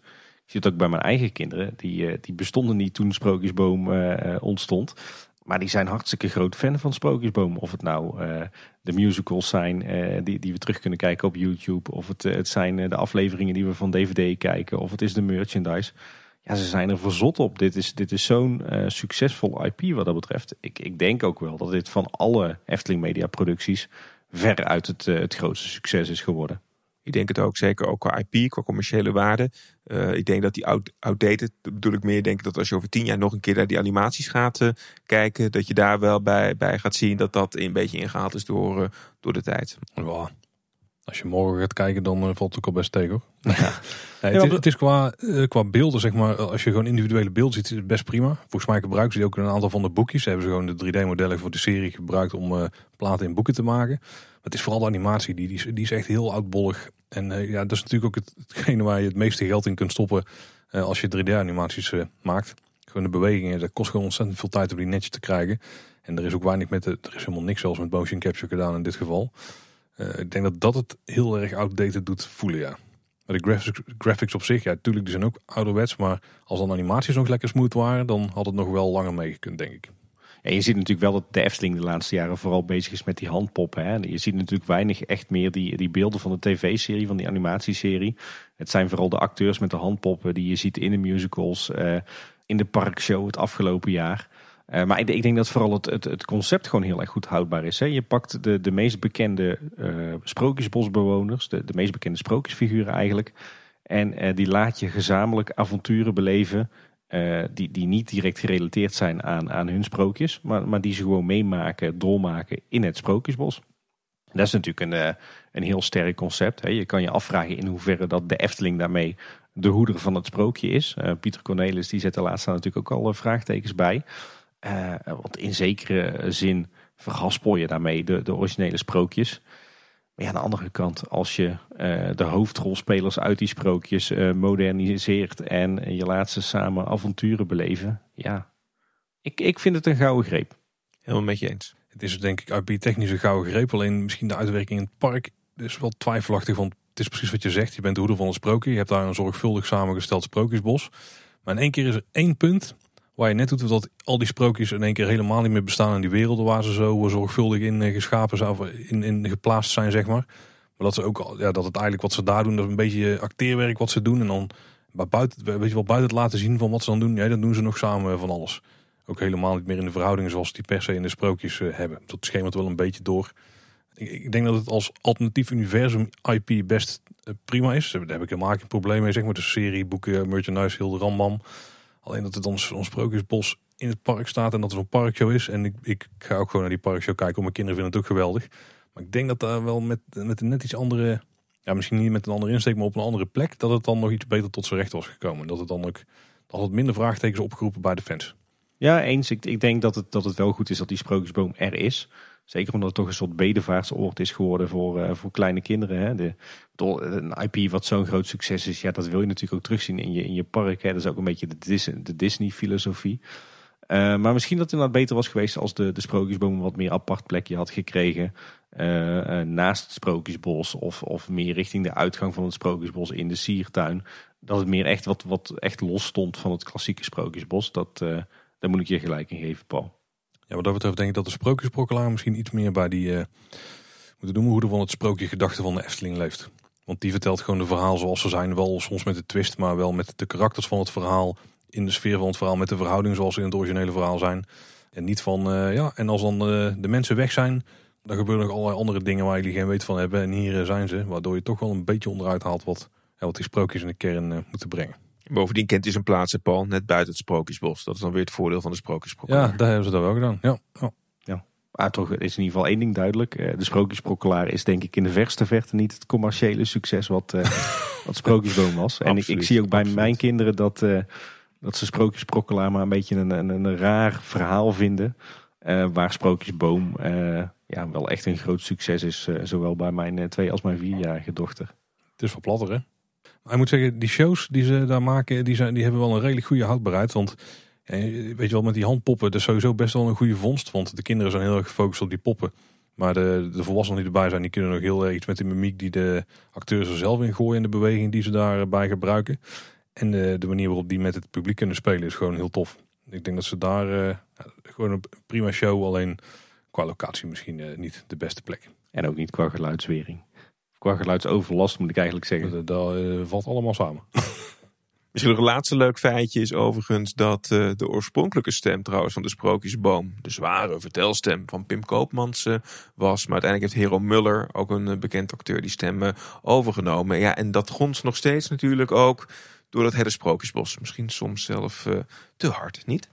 Ja, en na, na, na dit succes kan het eigenlijk alleen maar bergafwaarts gaan, toch Bjorn? Ja, nou ja, er zijn nog wel wat andere successen, maar uh, misschien verbleken ze wel een beetje inderdaad bij uh, de Sprookjesboom. Al is uh, Tita Tovenaar met een aantal variaties ook wel een IP, zou je kunnen zeggen, die een aantal jaren succesvol is ingezet door de Efteling. Um, het leuke daarvan is dat het geen nieuwe uh, intellectual property was, maar iets wat eigenlijk al heel erg uh, klassiek is. Want Tita Tovenaar is oorspronkelijk een, uh, een televisieserie die door de NOS tussen 1972 en 1974 uitgezonden werd over Tika, een meisje waarin haar vader toch wel een soort van gekke tovenaar was. En die serie is echt tot in lengte van dagen herhaald. Je moet je voorstellen, dat, dat zijn dus maar drie seizoenen geweest. Maar dat is echt tot ver in de jaren tachtig is dat herhaald, herhaald, herhaald. Een van de meest succesvolle jeugdseries ooit. En de Efteling dacht van, goh, is dat niet eigenlijk interessant? Past dat niet goed bij de Efteling? Kunnen wij daar niet uh, meer uh, mee doen? Dat gebeurde trouwens al eerder in 2005. Toen werd de musical Tita Tovenaar aan het Efteling Theater opgevoerd. En dat was een groot succes. En daarmee werden de rechten verworven. Omdat er wel het gevoel was van daar zouden we meer mee kunnen doen. En vervolgens kwam er 40 jaar na dato een hele remake van de serie. En, werd Tita Tovenaar nieuw leven ingeblazen. dat werd gedaan met een externe producent voor One Media. Ook een, een, een die later nog een aantal andere series heeft uh, gemaakt. Die we straks snel uh, zullen bespreken. En uh, vanaf 2008 werden vervolgens twee seizoenen uitgezonden. Bij de publieke omroep, bij de AVRO op dat moment. En zijn er in totaal 13 afleveringen gemaakt van die serie. Waarbij het grote verschil wel is met, het origineel. Dat het, het, origineel natuurlijk veel trager is. En dat dat er anders uitziet. Maar er is vooral ook, ook gekozen om dat heel erg ik moet ook een beetje denken aan K3 bij het kijken van die serie. Er zijn ook hele uh, felle kleuren. Dus het is heel erg glazuur ook, ook, ook, wat je ziet. En dat is wel een groot contrast met de originele uh, serie. Maar daarmee hebben ze echt van een remake van gemaakt. Waarin die serie ook echt een andere look en feel heeft gekregen. En waarbij wel de oorspronkelijke figuren zijn gebruikt. En waarbij ook vooral Tika een wat grotere rol heeft gekregen. Dus waar het in de originele serie vooral ook wel ging over die gekke vader. Is, is hier de focus ook net meer verlegd op, op Tika als aansprekend figuur ook voor, voor kinderen. Ja, je ziet dat de Efteling hier, eh, hier uh, toch weer even iets anders probeerde met mediaproducties. Hè? Want waar Sprookjesboom echt een, een, een, eigen ontwikkeld IP was, is het eigenlijk gewoon een, uh, ja, van de plank gekocht IP. Hè? Wat ze dus nieuw leven inbliezen. Klopt. En uh, na de serie, dat, dat was een groot succes. De musical was een succes. Dus vervolgens uh, kreeg dat ook een vervolg. Daar, daar ging men eigenlijk weer een beetje terug. Ook wel wat ze bij de Sprookjesboom uh, hadden gedaan. Want ze dachten van, kunnen we ook geen 3D-animatieserie maken over die leuke bijfiguren uit Tita Tovenaar, de grobbebollen. En dat leverde de grobbebollen maken lol eh, op als, als titel. 26 cartoons zijn ervan gemaakt. Die duren maar drie minuten. Uh, maar daardoor werd eigenlijk uh, nog, nog wat verbreed. Hè. Dus werd er los van de avonturen van Tika weer in een cartoonachtige setting werden die grobbenbollen centrale gesteld. Bij de Afro werd het ook uitgezonden. De omroep die ook al dus de, de nieuwe serie uitzond. en dat waren hele korte animaties. Waarbij de animatiekwaliteit trouwens echt al wel beter eruit zag dan die van de Sprookjesboom. Dat was best wel op niveau zou je kunnen zeggen, die, uh, die animatiekwaliteit. Uh, Kaching Cartoons is de producent daarvan geweest. En nou, die serie is uitgezonden in, in 2010. Ja, die was ook te verkrijgen als dvd-set in het park. Je kunt hem nog steeds terugzien op YouTube, op een apart YouTube-kanaal. En op de, het televisiekanaal van de verblijfsaccommodaties van de Efteling.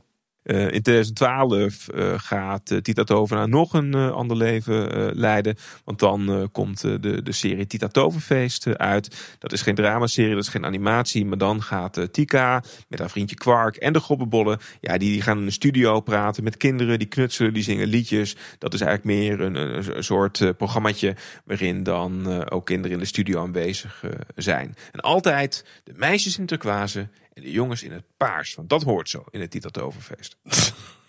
Kijk. Ik moet zeggen, ik, ik vond die uh, eigenlijk de eerste uh, Tita Tovenaar uh, serie, dus zeg maar de, de, remake van de originele serie door de Efteling, vond ik echt wel van een, een, een, hoog niveau. Die was best goed om naar te kijken. had ze ook op een hele knappe, respectvolle manier gedaan. Maar dit spin-offs waren wel een beetje van bedenkelijk niveau, toch?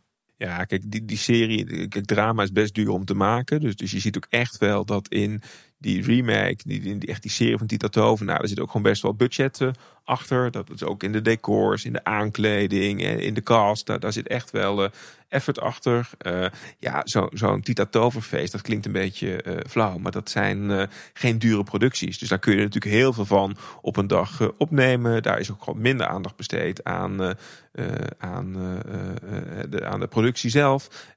maar dat is natuurlijk wel mooi om op die manier dat merk in leven te houden. En veel content te kunnen maken. Dat zie je daar wel in, in terug ja, inhoudelijk had het natuurlijk minder om het, uh, om het lijf wat dat betreft. zeker weten. Overigens is de Grobbelbollen maken lol. De eerste serie waar eh, René Merkelbach de muziek voor geschreven heeft. En die was volgens mij ook een samenwerking met Kachin Cartoons, waar hij later ook nog wat andere films buiten de Efteling mee heeft gemaakt. Klopt inderdaad. Ik heb overigens wel het idee dat, dat Tita Tovenaar op zich als IP, eh, zeker ook qua merchandise, nooit echt een heel groot succes is geworden voor de Efteling. Het heeft natuurlijk wel zeven jaar uh, uh, onderdeel geweest ook van de wereld van, van de Efteling. Maar ik denk nooit, het, het, stond ook denk ik echt wel in de schaduw van wat er met de sprookjesbomen gebeurde. Dus in die zin was het ook bijna een soort van concurrentie volgens mij, die twee merken. En nou ja, dan, dan is er een duidelijke winnaar, de sprookjesboom. En dit sprak denk ik misschien net iets minder tot, tot de verbeelding. Dus ik denk ook niet dat we dit ooit nog terug gaan, gaan zien. Nee, denk ik ook niet. Ik, qua stijl paste het denk ik ook, ook totaal niet bij de Efteling. En ik denk dat er ook bewust voor was gekozen hoor, om het, om het echt heel echt te laten detoneren. Ik denk dat dit, dit echt gewoon een, een, IP was wat ze van de plank hadden ingekocht en wat nieuw leven werd ingeblazen. En, en, wat meer op zichzelf stond. Terwijl Sprookjesboom had natuurlijk op alle mogelijke manieren een link met het park. Dit, dit was meer gewoon een, op zichzelf staand ja, stukje IP. Ja, dan gaan we van iets uh, van een toch ja, behoorlijk kitscherige uh, IP, gaan we naar een hele bescheiden, behoudende, stelvolle mediaproductie. Ja, maar echt mooi hoor. Soms vergeet je dat hij er geweest is. Maar in 2009 kwam Efteling Media met uh, de sprookjes van Klaas Vaak. Dat was echt wel een uniek concept. Het zijn overigens maar tien afleveringen van tien minuten. Maar daarmee werd het karakter van Klaas Vaak uiteindelijk ook het symbool van Efteling Bosrijk, werd hier geïntroduceerd. Al speelde Bosrijk geen grote rol in, in deze productie zelf. Um, uniek om, omdat het echt iets anders is van wat, wat daarvoor werd gemaakt. En centraal staat een, een reeks zandtekeningen die werden gemaakt op een lichtbak door uh, Gert van der Vijver. En, en, dat was een uh, artiest die, die dat uh, goed kon. En die maakte al eerder programma's voor de KRO. In KRO's kindertijd deed hij al meerdere uitbeeldingen daar met die, met die zand, met, dat, met dat zand op die lichtbak. En ja, wat, wat, wat, zo mooi is, is dat hij vervolgens uh, in die wereld van Klaas Vaak, ook met dat prachtige lied, hè, waarin uh, wat later ook, ook, ook, op veel andere plekken, ook in de Efteling, te horen is, is geweest. ja, da daarin vertelde hij verhalen vanuit dat perspectief van, van Klaas Vaak. Natuurlijk hè, wel om, om eh, Boeking en Bosrijk eh, te stimuleren. Eh, maar vooral ook om, om die mooie verhalen te, te vertellen. Maar het is eigenlijk vooral, zeker ook misschien met het schreeuwige van daarvoor bijna van, van Tita Tovenaar, is dit eigenlijk esthetisch super subtiel en, esthetisch heel erg mooi, mooi gedaan. Uitgezonden bij, bij, bij Zeppelin in 2009 voor het, voor het eerst. En het werd afgelopen jaar ook wel regelmatig herhaald bij RTL in het Telekids blok. En maar omdat het misschien ook esthetisch zo mooi is, is het eigenlijk nog steeds, ook als je het nu terug gaat kijken, viel me op dat het echt nog steeds heel mooi is om, om dit terug te zien. Dus dit is ook heel, ja, dit, dit kan de stand destijds heel goed uh, doorstaan, zou je kunnen zeggen. Ja, heel bescheiden, heel, heel fragiel. Ja. ja. het is niet alleen de zandtekeningen zelf, maar ook gewoon de hele setting en uh, de beelden die daaromheen zitten. En de computeranimaties hier zijn trouwens wel echt van een hele goede kwaliteit. Uh, maar ook echt de, de beelden in, in de werkkamer van Klas Vaak, zeg maar de manier waarop de camera beweegt, hoe de belichting daar is. Dat is echt, dat, zou gewoon nou nog steeds de manier zijn waarop ze zouden uitbeelden. Ja, absoluut. En uh, trouwens, het decor, dat werd uh, gemaakt door Joravision. Maar trouwens wel naar een ontwerp van uh, Robert Jaap Jansen. Dus dit is ook wel weer een heel ander aspect van wat hij heeft nou ja, gemaakt en gecreëerd voor de Efteling. Dus dat is ook echt wel leuk om toch die diversiteit ook in stijlen ook vanuit zijn koker hierin terug te zien. Ja, het mooie is wel als je nu eh, door ons toch eh, getriggerd wordt om eh, ook eens te gaan kijken. Je kan de hele serie eigenlijk gewoon op YouTube terugkijken. Hè? Ja, absoluut. En tien afleveringen van tien minuten. En ja, als je ook even wat, highlights mag noemen uit die, die, die, die hele lijn aan productie en Efteling Media Productie. Dan vond ik dit, ik was mezelf ook even kwijt. Maar toen ik het weer terug ging kijken, ook in voorbereiding op deze aflevering, dacht ik, oh ja, dat is eigenlijk echt heel goed verraste mij trouwens sowieso dat er eh, heel veel uh, Efteling uh, mediaproducties uh, gewoon nu integraal terug te kijken zijn op, op YouTube. Dat had ik niet verwacht. Het is mooi hè, dat, dat we die schatkamer ook hebben. En straks misschien een mooi bruggetje naar het volgende programma. Godzakker, het is net... Badoem, pats. Daar bleef je weer thuis, ja. ja, um, misschien een schatkamer, maar of het nou ook een pareltje is, dat, dat weet ik niet. Ehm, je ziet hier wel, in 2010 komt dat programma voor het eerst op, op de televisie, de schatkamer. En hier gaan we trouwens echt optimaal gebruik maken van die studio in het carouseltheater hoor. Want, want de Efteling gooit het hier een beetje op over een andere boeg. En het worden meer studioprogramma's die ze gaan doen, waarin ze ook heel veel kinderen uitnodigen in de studio in het programma. Ja, je zou kunnen zeggen dat de Schatkamer een soort van moderne versie is van Renje Rot, de ultieme tv-klassieker van, uh, van Ria Bremer. Maar uiteindelijk, uh, en misschien later door Telekids nog eens een keer uh, ingehaald. Maar wat gebeurt er in de Schatkamer? Er zijn twee schoolklassen en die spelen tegen elkaar. En die, die, dat zijn twee teams, dat zijn de draken tegen die pythons. En ja, die moeten met elkaar het opnemen tegen spellen en die spellen hebben vaak een Efteling-thema een verwijzing naar een attractie. Eh, soms gaan we uit de studio en, en zijn die spellen dan in het park te zien. Ja, en eigenlijk is het vooral een productie die kinderen in die Efteling-wereld laten zien. En daarmee ook gewoon een heerlijke commercial ook om de Efteling te bezoeken. Ja, ja ik, heb het zelf, ik heb er zelf nooit veel van gezien. Omdat ja, ik denk dat ik toch niet echt de doelgroep ben. Maar aan de andere kant is het natuurlijk wel een hele begrijpelijke en slimme mediaproductie. Ik denk dat we de, de productiekosten hiervan relatief laag liggen. Terwijl het is denk ik wel erg in trek geweest bij basisschoolkinderen. Vanwege dat competitieve element dat er natuurlijk in zat. Absoluut. En ik denk dat het voor de doelgroep ook echt goede content uh, was. En wat hier ook wel slim is, je ziet het ook op een aantal andere plekken terug, is dat dit ook weer een samenwerking was tussen uh, Nederland en, en, België. Dus het werd ook door RTL uitgezonden, maar ook door de Vlaamse VTM. Dat zag je ook door in de presentaties. Dat was Kurt Forten uit Nederland en Verlies Dekens uit, uit Vlaanderen. Ja, Verlies had in de jaren daarvoor nog een heel populaire serie met warmhoutartikelen. Verlies Dekens. Um, maar dat is wel slim trouwens om, om, om dat met Vlaanderen samen te doen. Om twee redenen. Want ook als je het voor twee uh, zenders maakt, dan kun je de productiekosten uh, delen. En ja, als je toch in dat Nederlandse taalgebied uh, zit, kun je dus programma's op twee plekken uitzenden. dus heb je ook een veel groter bereik met dat soort content. Dus dat is wel slim. Ja, ja je, je, hebt natuurlijk al een studio, hè, die, die was redelijk bazaal ingericht. Uh, die schoolklassen die komen toch wel, daar hoef je geen, uh, geen kosten voor te maken. Je laat ze een beetje rondrennen door het park met wat simpele requisieten en uh, dat is dat. En je hebt eigenlijk een, een prima tv-programma. Absoluut, absoluut. En in diezelfde lijn zit ook het programma Het Mysterie van. Dat komt uit 2013. Uh, dat had een iets andere wending. Dus dat, dat, daar ging het ook wel over uh, kinderen die, die met elkaar uh, in de Efteling strijden om, om een prijs. Met presentator Patrick Martins in, in dat geval. Maar dat werd gecombineerd met een soort mysterie. Daar werd een soort van mini-serietje van gemaakt in die week. En iedere week moest er dan het mysterie ontrafeld worden door die kinderen. En dat werd vaak dan weer geacteerd door Edo Brunner als acteur. En die speelde toch ook weer een sterrol in uh, de expeditie van familie Vos afgelopen jaar. In, uh, dus dus dat, dat had ook al een voorspellende waarde in 2013 zou je uh, kunnen zeggen. Hey, en we waren net, net heel enthousiast, Bjorn, over de sprookjes van Klaas Vaak. maar dat was niet, niet de laatste keer dat er gebruik werd gemaakt van die IP, hè? Zijn eigenlijk twee producties waarin inderdaad uh, Bosrijk en Klaas Vaak uh, zichtbaar zijn. Uh, en naast de, de, de, de, prachtige serie die we net bespraken, is er ook Marjolein en het geheim van het slaapzand. En dat was echt een, een dramaserie. Um, waarin het achtergrondverhaal eigenlijk van Bosrijk en het karakter Klaas Vaak werd gedeeld. Waar gaat het dan over? Nou, Klaas Vaak zit met een probleem, want hij is de toverformule kwijt waarin het slaapzand uh, uh, wordt uh, gemaakt. En wat hij gaat doen is vervolgens hulp inroepen van Marjolein en haar oma om ervoor te zorgen dat dat slaapzand weer terugkomt. dan bleven ze avonturen. Ja, je voelt het al aan. Het is een combinatie inderdaad van, van het karakter Klaas Vaak en eigenlijk de gewone mensenwereld.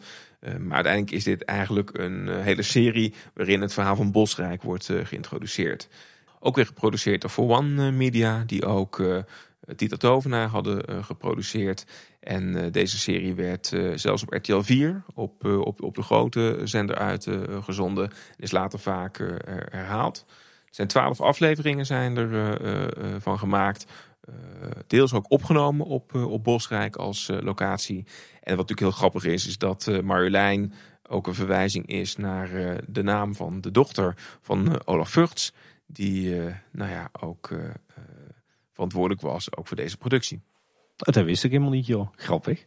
Dan in 2010 dan, uh, komt er ook een uh, serie uit. Uh, en dat is eigenlijk ook in het verlengde van Dita Tovenaar. Is dat eigenlijk ook een heel klassiek Nederlands IP. Hè? Dus voor mij heb je het in de uitzending ook wel vaak gehad over... is er nou IP wat geschikt is ook voor de Efteling en een second gate of voor attracties? Nou ja, dat hebben we nooit gezien. Maar in, mediaproducties is daar wel een aantal keren toch mee geëxperimenteerd. Want de avonturen van Kruimeltje, ook zo'n klassieker in, in Nederlandse literatuur in ieder geval...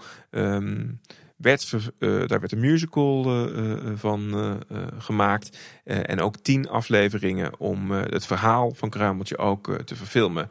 Werd geproduceerd door Rick Engelkes Producties. Ja, en voor de echte liefhebbers, dat wordt dus ooit Dr. Simon uit Goede Tijden, Slechte Tijden. Die heeft zich daarna toegelegd op, het, op ander acteerwerk, maar ook als musicalproducent.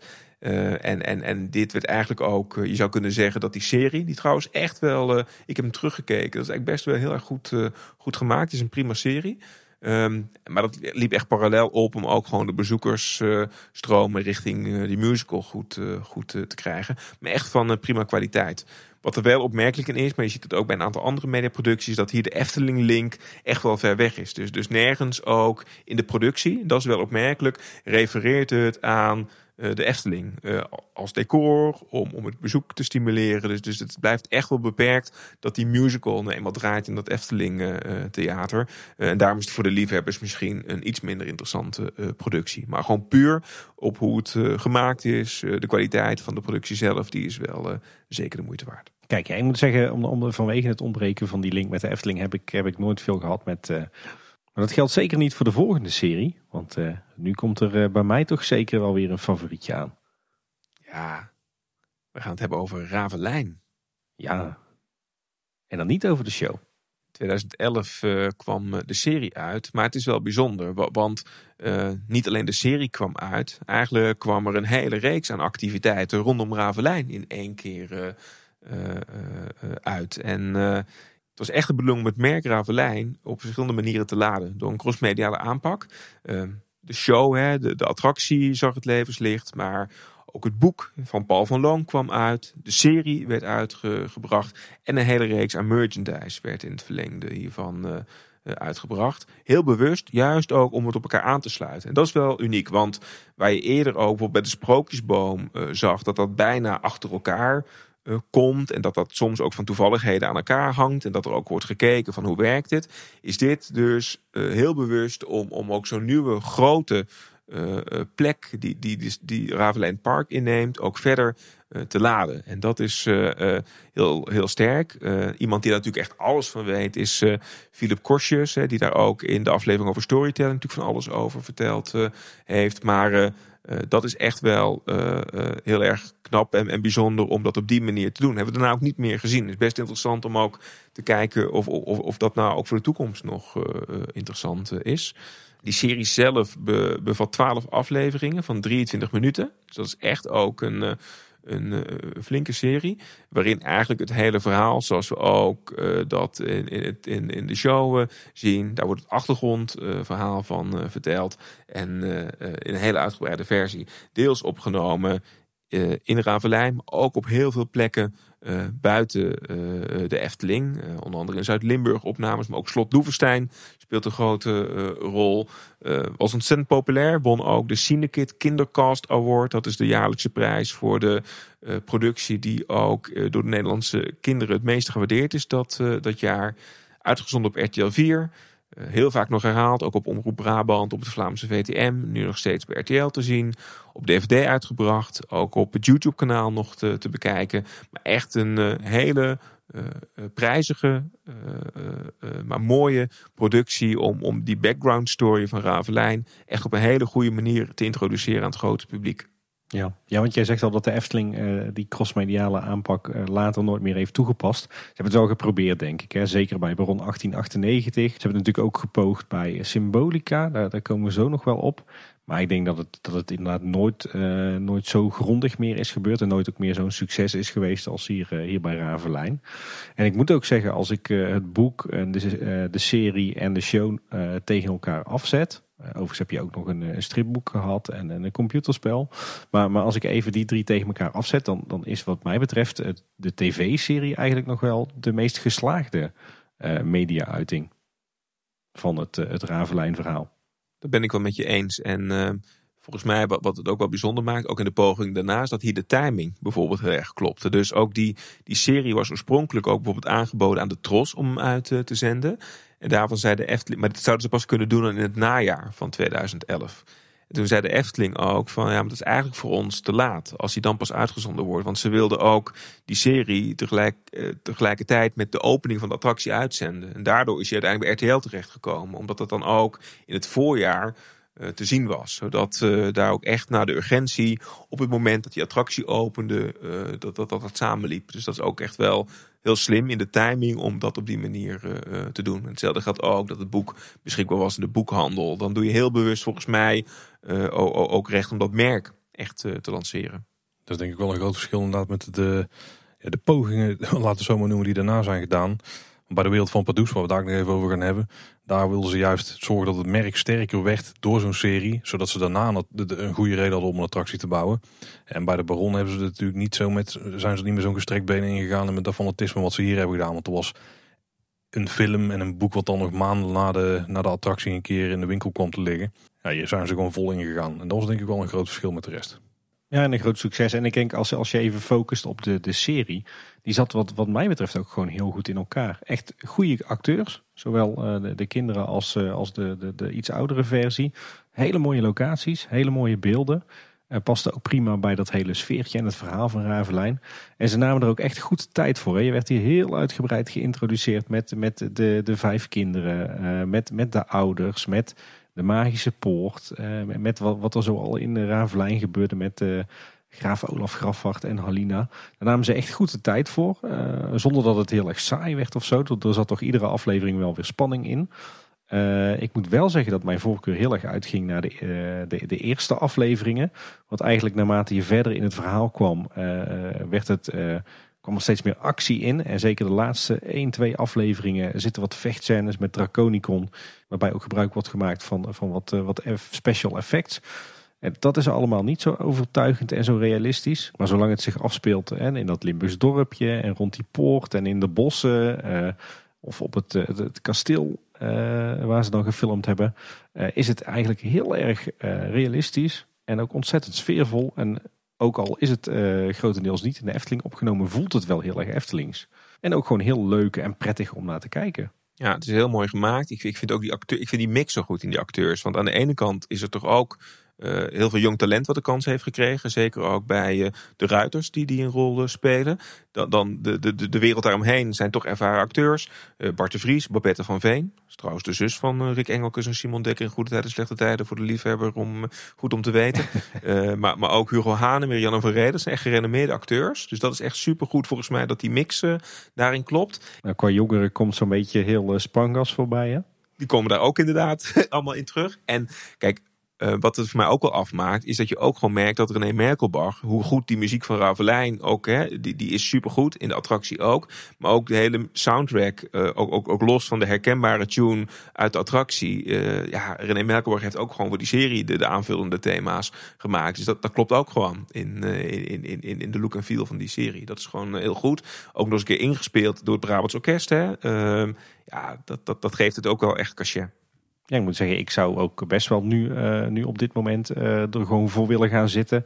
Om met de kinderen op het gemakje deze serie weer eens opnieuw te kijken. Ja, dat kan volgens mij echt heel goed. En ik heb ook zo'n hoop dat dat ook als uh, er toch in de komende jaren weer een nieuwe show zou komen hè, in, in het Ravelijn Theater. En laat dat nou misschien een van de nieuwe boeken ook zijn van, van Paul van Loon. Ja, dan hoop ik er toch zo op dat dat ook weer toch een, een serie krijgt. Dat zou ik echt wel heel mooi vinden als dat zou gebeuren. Als dat een beetje de kwaliteit heeft van, van deze oorspronkelijke reeks, dan uh, ja, kan ik niet wachten. Helemaal mee eens. En wat mij betreft moeten ze dan echt wat gaan doen met uh, de verhalen van uh, de bende met de witte veer. Maar goed, daar hebben we het al eerder over gehad. Ja, en Paul, jij hint er dan net al een beetje op. Maar de Efteling heeft natuurlijk ook zo'nzelfde poging gedaan bij Symbolica. En inderdaad, een poging. Want volgens mij was hier het idee vooral, wat ik net ook al zei. Er was een idee om een grote jubileumattractie te bouwen. Maar Pardoes had misschien nog niet het gewicht wat hij nodig had. Hè. Dat binnen de, de Efteling-organisatie werd er ook best aan getwijfeld aan hoe sterk Pardoes als merk was. En op dat moment zijn ze heel erg begonnen met het proberen te laden van het merk Pardoes. Uh, door onder andere die serie, maar ook door hem in het park gewoon wel vaker langs te laten komen. Allemaal volgens mij een beetje in de hoop om die populariteit zo hoog te krijgen dat als het dan een nieuwe attractie zou komen, dat meteen in grote getalen mensen naar de Efteling zouden trekken om dat te komen zien. Omdat Pardoes inmiddels zo ja, bekend en geliefd was geworden. Wat denk ik overigens wel deels, deels is gelukt, maar niet per se door deze serie. Klopt, hè, want eh, ook daar zat eigenlijk de timing niet mee. Want naarmate ook die plannen voor Hartenhof werden uitgesteld, werd ook de waarde van een serie van Pardoes, eh, dat, dat, dat moest dan ook maar heel lang blijven hangen. Dat deed het niet. Hè. Dus, dus oorspronkelijk was trouwens het idee om in 2008 om een serie te maken rondom uh, Pardoes. Dat dat zo eerst een 3D-animatie zijn, in het verlengde eigenlijk van wat er ook met Sprookjesbomen was gedaan. Ehm, dat idee heeft het niet gehaald. En toen werd toch met, met het idee dat Hartenhof in 2010 zou uh, openen, dacht men toch van dan gaan we toch een, uh, een, een, televisieserie daarop maken. dat werd dus De Magische Wereld van Pardoes uit 2011. 13 afleveringen van, uh, van 20 minuten. Die uh, eigenlijk uh, gebaseerd op alles wat Knoet ooit heeft bedacht over die wereld van, van Pardoes. Om dat allemaal in, in een serie te laten zien. Die hele background story te laten zien. Ehm, iets wat natuurlijk pas vele jaren later uh, in, in wat de symbolica werd, uh, vervolgens een attractie uh, werd. En dat is wel grappig om die serie daar eens op terug te bekijken. Want aan de ene kant zien we daar ook echt wel de wereld van de attractie symbolica die, die wij nu kennen. Dus de leefwereld van Pardoes en Pardijn en het Paleis de Fantasie waar van alles gebeurt. Maar dat heeft natuurlijk ook nog een, een andere wereld. Hè. En dat is natuurlijk de wereld, de donkere wereld van Pantagor en van Rattar. En die is wel in die serie helemaal te zien. Maar die vindt, geeft geen plaats natuurlijk nog in de attractie. Um, als je naar die serie kijkt en je, en je ziet die wereld trouwens van Pantagor en van, van Rattar, dan doe je gelijk wel de inspiratie trouwens op over hoe die wereld van het Rijk der Fantasie eruit zou kunnen zien. Dat is wel heel erg leuk om het vanuit die plek of vanuit dat beeld te bekijken. Ja, want je herkent wel wat dingen uit de huidige symbolica attractie. Tenminste, de, de werkruimte van Almar. Die zou je best kunnen herkennen, denk ik, in het observatorium. En best natuurgetrouw, Paul. Dus het viel ook echt op dat als je um, ook nog in, in afwachting was van wat, wat gaat Symbolica nou straks zijn, zonder ooit in dat paleis der fantasie geweest te zijn, dan is het decor van, uh, van Almar, nou dat, dat, dat lijkt echt best wel op, op hoe dat in, uh, uh, in de attractie geworden is. Natuurlijk gemaakt van bordkarton, want uiteindelijk zijn die decors ook opgebouwd in een loods in Waalwijk. Dat is toch echt wel een uh, bijzondere opnameplek voor zo'n uh, ja. zo'n serie. Maar uh, een, een bordkartonnen versie van wat uiteindelijk bijvoorbeeld het observatorium geworden is. We zien dat wel terug in die serie. En dat in een serie die in 2011 is uitgezonden. Met een attractie die pas het leven is in 2017. Dat is eigenlijk wel grappig dat je daar zes jaar van tevoren eigenlijk heel veel hints uit al kon halen. En hoe symbolica er uiteindelijk uit zou, zou zien. Ja, wat dat betreft heeft het stelboek van Henny Knoet natuurlijk bij de serie flink goed aangehouden. En ook bij het maken van de attractie. Ja, dat vind ik eigenlijk wel mooi. Hè? Dus je ziet ook, ook hoe trouw men toch uh, heeft geprobeerd te zijn aan dat gedachtegoed van, van Knoet. En aangezien Pardoes ook die figuur was die, die zij, in, in, in zijn beeld ontstaan is. En waarin hij zijn ziel en zaligheid heeft uh, gelegd. En moet zeggen dat de technisch ziet het er allemaal goed uit. Het is een combinatie van live action en ook special effects. En die zijn op uh, heel veel plekken eigenlijk best wel goed samengevoegd. Uh, ook de, de, sfeer van de beelden is heel tof. De sets zijn mooi. De kostuums zitten er ook goed in elkaar. Maar volgens mij viel het een beetje, viel het een beetje op zijn gat door uh, de, toch het feit dat je gewoon face characters had. Dus je zag echt gewoon gezichten. Tussen zo noemen ze in de parken natuurlijk. Maar het waren natuurlijk acteurs uh, die, die het dan moesten brengen. Dus daardoor had het niet ja, de uitstraling zoals je Pardoes kende uit de parken. Ik denk dat dat voor mensen een beetje... Een beetje je hebt het concept van Uncanny Valley. Hè, want het is het net niet. dus daardoor voelt het heel erg fout. Uh, ik denk dat dat hier ook wel een beetje het geval was. En het verhaal was misschien, kwam dat ook niet helemaal lekker uit de verf. Of misschien te gelaagd voor zo'n serie voor de doelgroep die het had. Klopt, en het leidt wel af hoor, ook, ook die gezichten. Dus ook, er zitten goede acteurs in, daar kun je eigenlijk niks uh, van zeggen. Maar, maar het is toch ook wel gek om Pardoes in één keer met een gezicht uh, te zien. Dat, het, het leidt bij mij in ieder geval wel af. Ja, dat, dat heb ik precies zelfs inderdaad. Maakt het best lastig om naar te kijken. Op de een of andere manier voel je dan inderdaad niet die link met de Pardoes zoals wij hem kennen. Klopt, het lijkt een ander karakter te zijn. Dat dat gebeurt uh, inderdaad, ja. En er zit ook in één keer een jongetje onder uh, ja, het kostuum van Pardoes. Want op een gegeven moment gaat ook gewoon die, die kap van die nar gaat af. En er zit daar gewoon een krullenbol onder. Ja, dat zijn ook niet echt dingen die je had verwacht. Het voelt op punten bijna als een soort kijkje achter de schermen misschien wel. Wat je misschien niet had willen hebben. Een hevige cultuurshock. Ja, Het is wel echt de moeite waard, eh, want hier moet je een beetje doorheen kijken. Ook als je die serie terug gaat kijken, dat kan. Hij staat ook gewoon op YouTube eh, helemaal. Maar eh, toen ik het weer terug ging kijken, dacht ik van, oh, het, gewoon het potentieel van, van dat gedachtegoed van eh, symbolica en ook alles wat je daar nog meer mee zou kunnen doen. Daarvoor is het eigenlijk wel heel in- inspirerend. Dus ik zou toch ook wel, eh, als je een beetje gaat dromen en je gaat echt bedenken over de attractiemogelijkheden, toch met, eh met Pantagor en Rattar. Het is echt leuk om, om daar die serie nog eens op, eh, op te bekijken. Er kan echt nog zoveel mee. Dat is echt leuk. Ja, het liefst zou je het dan willen zien als een computeranimatieserie. Maar ik denk dat het echt ontzettend duur is om dit goed uit te voeren. eh, Op het niveau waarop het technisch in ieder geval nu is uitgevoerd als live action. Want daar zit gewoon goed in elkaar. En als je hetzelfde, dezelfde kwaliteit animatie zou willen hebben. Ik denk dat de, kosten dan misschien wel drie, vier, eh, drie viervoudiger zijn van wat je nu dan met fysieke sets en acteurs hebt. Ja, en toch moet ik zeggen dat deze serie mij nooit echt heeft gegrepen hoor. Enerzijds eh, inderdaad, wat je al zei, omdat het toch een beetje een cultuurshock is om een, een, ineens een hele andere Pardoes te zien. Met ook een andere stem en, en inderdaad een herkenbaar menselijk gezicht. Maar het verhaal was ook een beetje, een beetje wazig voor mijn gevoel, misschien wel te complex. En ja, de wereld van, van eh, van Symbolica, is natuurlijk zo science fiction dat, eh, dat je voor mijn gevoel eh, op deze manier geen recht aan doet. Ik denk dat je echt heel veel budget nodig hebt om de wereld van Pardoes echt geloofwaardig over te doen komen. En dit voelde toch inderdaad alsof je in een loods rondliep in een tv-studio. En niet op de planeet Symbolica. Ja, maar delen waren wel echt heel goed uitgewerkt technisch hoor. Maar ik snap het punt waar je op doelt. Ja. Maar trouwens wel, eh, Peter Faber zit erin. hè. is altijd goed. Dat is altijd goed. Ja. Dat is toch een beetje de Nederlandse Patrick Stewart. Nou, dat vind ik echt. eh, Ik snap wat je bedoelt. En toch een compliment voor Peter Faber, toch? Ja. Absoluut. Wat ook wel echt geprobeerd is, hè, we zeiden aan het begin al, is om ook hier een hele lijn te maken. De- Dus na die serie verdwenen ook een boek en bordspelen, merchandise. Maar hier zat die timing niet, niet mee. Du- Dus de attractie was er nog niet. Je had wel die serie, maar het laden van de, waar het bij de sprookjesboom zo goed lukte op de aansprekendheid van de karakters om daar gelijk heel veel merchandise bij te verkopen, dat dat lukte deze serie niet. Du- Dus is uiteindelijk ook die, die lijn gebaseerd op, op die serie om dat verder te laden met, eh, met, met producten. Dat, dat, we kennen natuurlijk wel heel veel uh, eh, eh, is al van alle tijden in, eh, in de Efteling, maar specifiek ook uit eh, deze serie. Dat is nooit zo'n heel groot succes eh, geworden. En ook eh, ja, het tweede seizoen, waar oorspronkelijk wel een plan voor eh, was. Want eh, nou goed, zo rijk is eigenlijk ook eh, dat stijlboek van eh Knoet. Dat is er nooit eh, eh, gekomen. En misschien ook wel wat, wat Tim eh, aanhaalde. Hè. Uiteindelijk raakt het mensen nooit helemaal. Waardoor het ook nooit volgens mij echt het succes geworden is wat men ervan eh, had eh, gehoopt. Hij had ook wel getekende varianten van de karakters zoals ze in de serie zaten. Daar zijn ook nog action figures op gebaseerd. En die werden op een gegeven moment gewoon weggegeven als speelgoed bij een pannenkoek in Polskeuken. Dus dan weet je wel hoe populair die merchandise was. Precies. Ja. Hey, en dan gaan we van een, eh, een, een heel complex verhaal. eh, gaan we naar een, eh, ja, misschien het minst complexe eh, verhaal. In ieder geval de minst complexe tv-productie van de Efteling. Maar laat je mooi in, Tim. Overigens wel, denk ik, in, eh, in eh, dit huis, samen met Sprookjesboom, eh, de meest populaire Efteling mediaproductie. Want waar hebben we het over, Bjorn? Jokie en Jet. Ja, Ik denk inderdaad, eh, aan populariteit zal het niet veel onderdoen voor Sprookjesboom. In 2012 kwam eh, inderdaad eh, daar eh, de eerste mediaproductie van uit.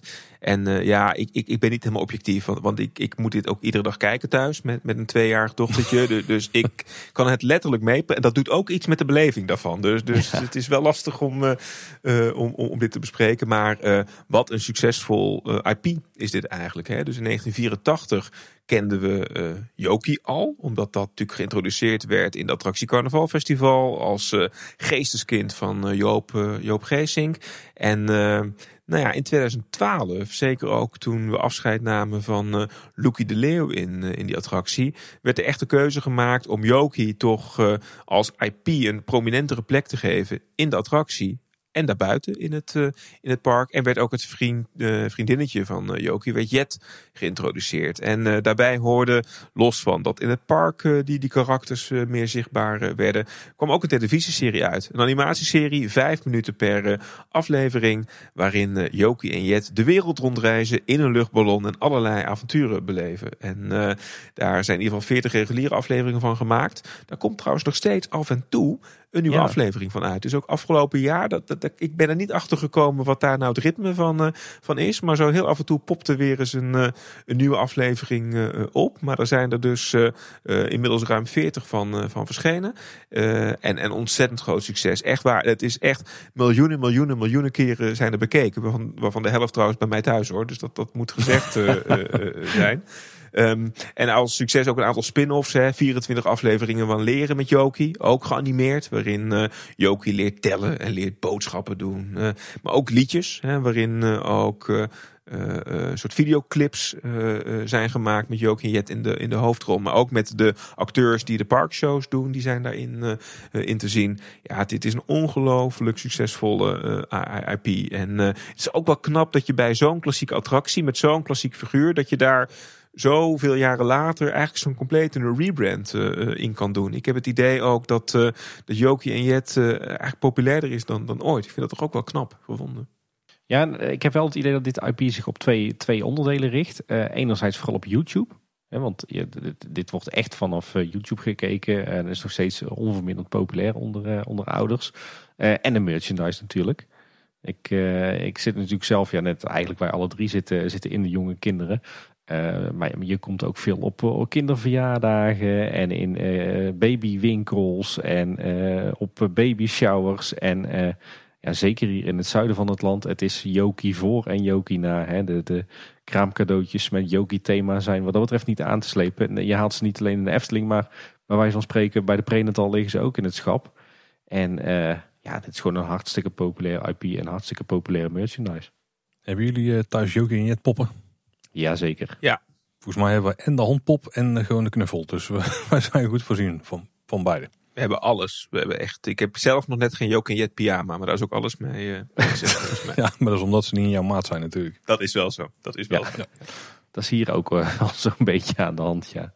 Wat ik wel tof vind aan deze serie is dat het, het is niet alleen puur entertainment of reclame voor het park. Er zit ook wel echt een educatief tintje aan. En dan bedoel ik niet alleen die leren met Jokie afleveringen, maar ook gewoon die reguliere afleveringen. Want eh, de slimme vondst hier is natuurlijk dat Jokie en Jet in hun luchtballon de wereld rondgaan. Bedoel, dat is het kernidee. Maar daardoor leren ze de kinderen heel veel over andere culturen, andere landen. Wat zijn nou de dingen die daar een beetje, eh, ja, weet je wel, het zijn misschien wel stereotypen, maar de dingen die daar belangrijk zijn. Bedoel, het gaat over pizza, dan is het natuurlijk ijsjes eten en, eh want Italiaans ijs en pizza's eten. Maar zo krijgen ze ook op die manier al introductie in, in dat de wereld meer is dan alleen, misschien zelfs wel meer dan alleen de Efteling, maar in ieder geval meer dan alleen Nederland. Absoluut waar. En er is trouwens één aflevering. Ik had nooit gedacht dat ik echt Jokie en Jet zou gaan analyseren. Maar, maar dan toch, hè. maar de, de aflevering in het attractiepark is wel leuk. wa- Want dan gaat Jokie en Jet gaan naar het attractiepark. En dat is de Efteling, zonder dat het Efteling heet. Maar dan zie je wel een fantastische animatie eigenlijk van de Python. En ze gaan in de Piranha. Dus eh, da- daarin hebben ze eigenlijk in de Jokie en Jet wereld dan weer de Efteling getekend. Zonder dat het daar de Efteling eh, heet. Dus als je dan toch misschien niet de doelgroep bent. En je wilt toch eens een keer dit gaan eh, kijken. Naar aanleiding van deze aflevering. Dan ga die aflevering dan maar eens eh, bekijken. Maar er was iets mis met de Python, toch? Kleuren waren verkeerd, baan was groen. Ja, de kurkentrekker zit er niet in. Dus het zijn twee loopings. En daarna rijdt hij door volgens mij naar het, eh, naar het station. Als ik me goed herinner. Ja. Ik denk dat de kurkentrekkers gewoon te, moeilijk waren om te animeren. Ik denk het ook. Dat, eh, ja. De, de kleuren waren inderdaad ook niet goed van de baan. Wat wel grappig is, is er zijn ook, eh, ook heel wat leesboekjes of prentenboekjes uitgebracht naar aanleiding van de, de filmpjes. En het grappige is dat als je het prentenboekje Jokie in het pretpark bekijkt, of Jokie in de Efteling heet die trouwens, eh, dat is wel weer veel schatplichtiger aan de Efteling. Daar hoeven ze natuurlijk niet, niet alle verwijzingen aan de Efteling, naar de Efteling weg te laten. Dus in het boekje gaat Jokie wel daadwerkelijk naar de Efteling. Klopt, ja. Trouwens, als je dacht dat die, dat die rotsen van de Piranha in de huidige staat al slecht waren, dan moet je het ook in die aflevering bekijken. Het kan altijd erger, moet je maar denken. Ook zijn er wel een paar varianten van animaties eh, van Jokie en Jet.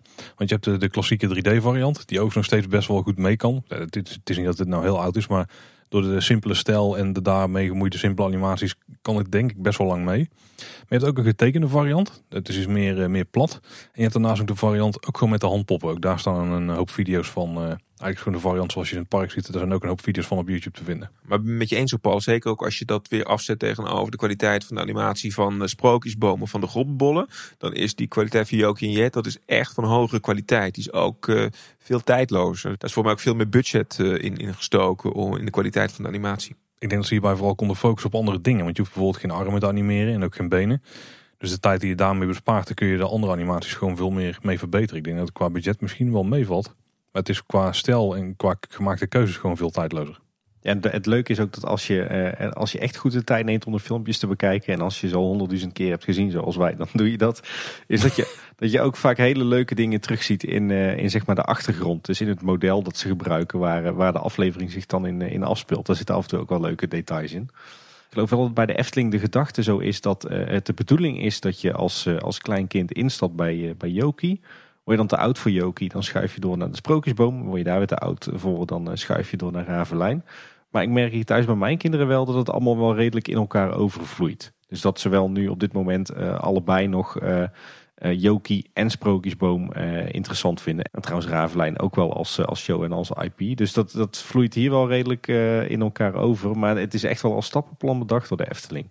Super slim, want daar heb je volgens mij voor alle leeftijden inderdaad ook iets relevants. Ik denk dat, dat er uit Jokin Jet ook in het park nog veel meer te halen is. Hè. Dus ik denk ook zeker dat we naast Carnavalfestival en in het eh, entertainment kan ik me echt nog steeds iets voorstellen ook. Omdat in een speeltuin of in een attractievorm ook in het Reizenrijk. Eh, volgens mij eh, is het merk zo succesvol dat dat best nog wel eens op andere plekken in het park te zichtbaar zou moeten zijn. Leuk detail is trouwens, de, de, de parkshow, daar hebben we het ook al over gehad. De parkshow met Joki en Jet, of Joki of Jet de laatste jaren. die is natuurlijk ook enorm populair, in ieder geval bij mij thuis wel. maar in 2020, dus vorig jaar, ging die parkshow ook on tour. Hè? Was er zowaar een musical. Joki en Jet reizen is een feestje. En dat was eigenlijk een beetje de, de extravaganza versie van de parkshow. Ik weet niet of hij uiteindelijk veel heeft gespeeld. Want het was natuurlijk eh, in het coronajaar.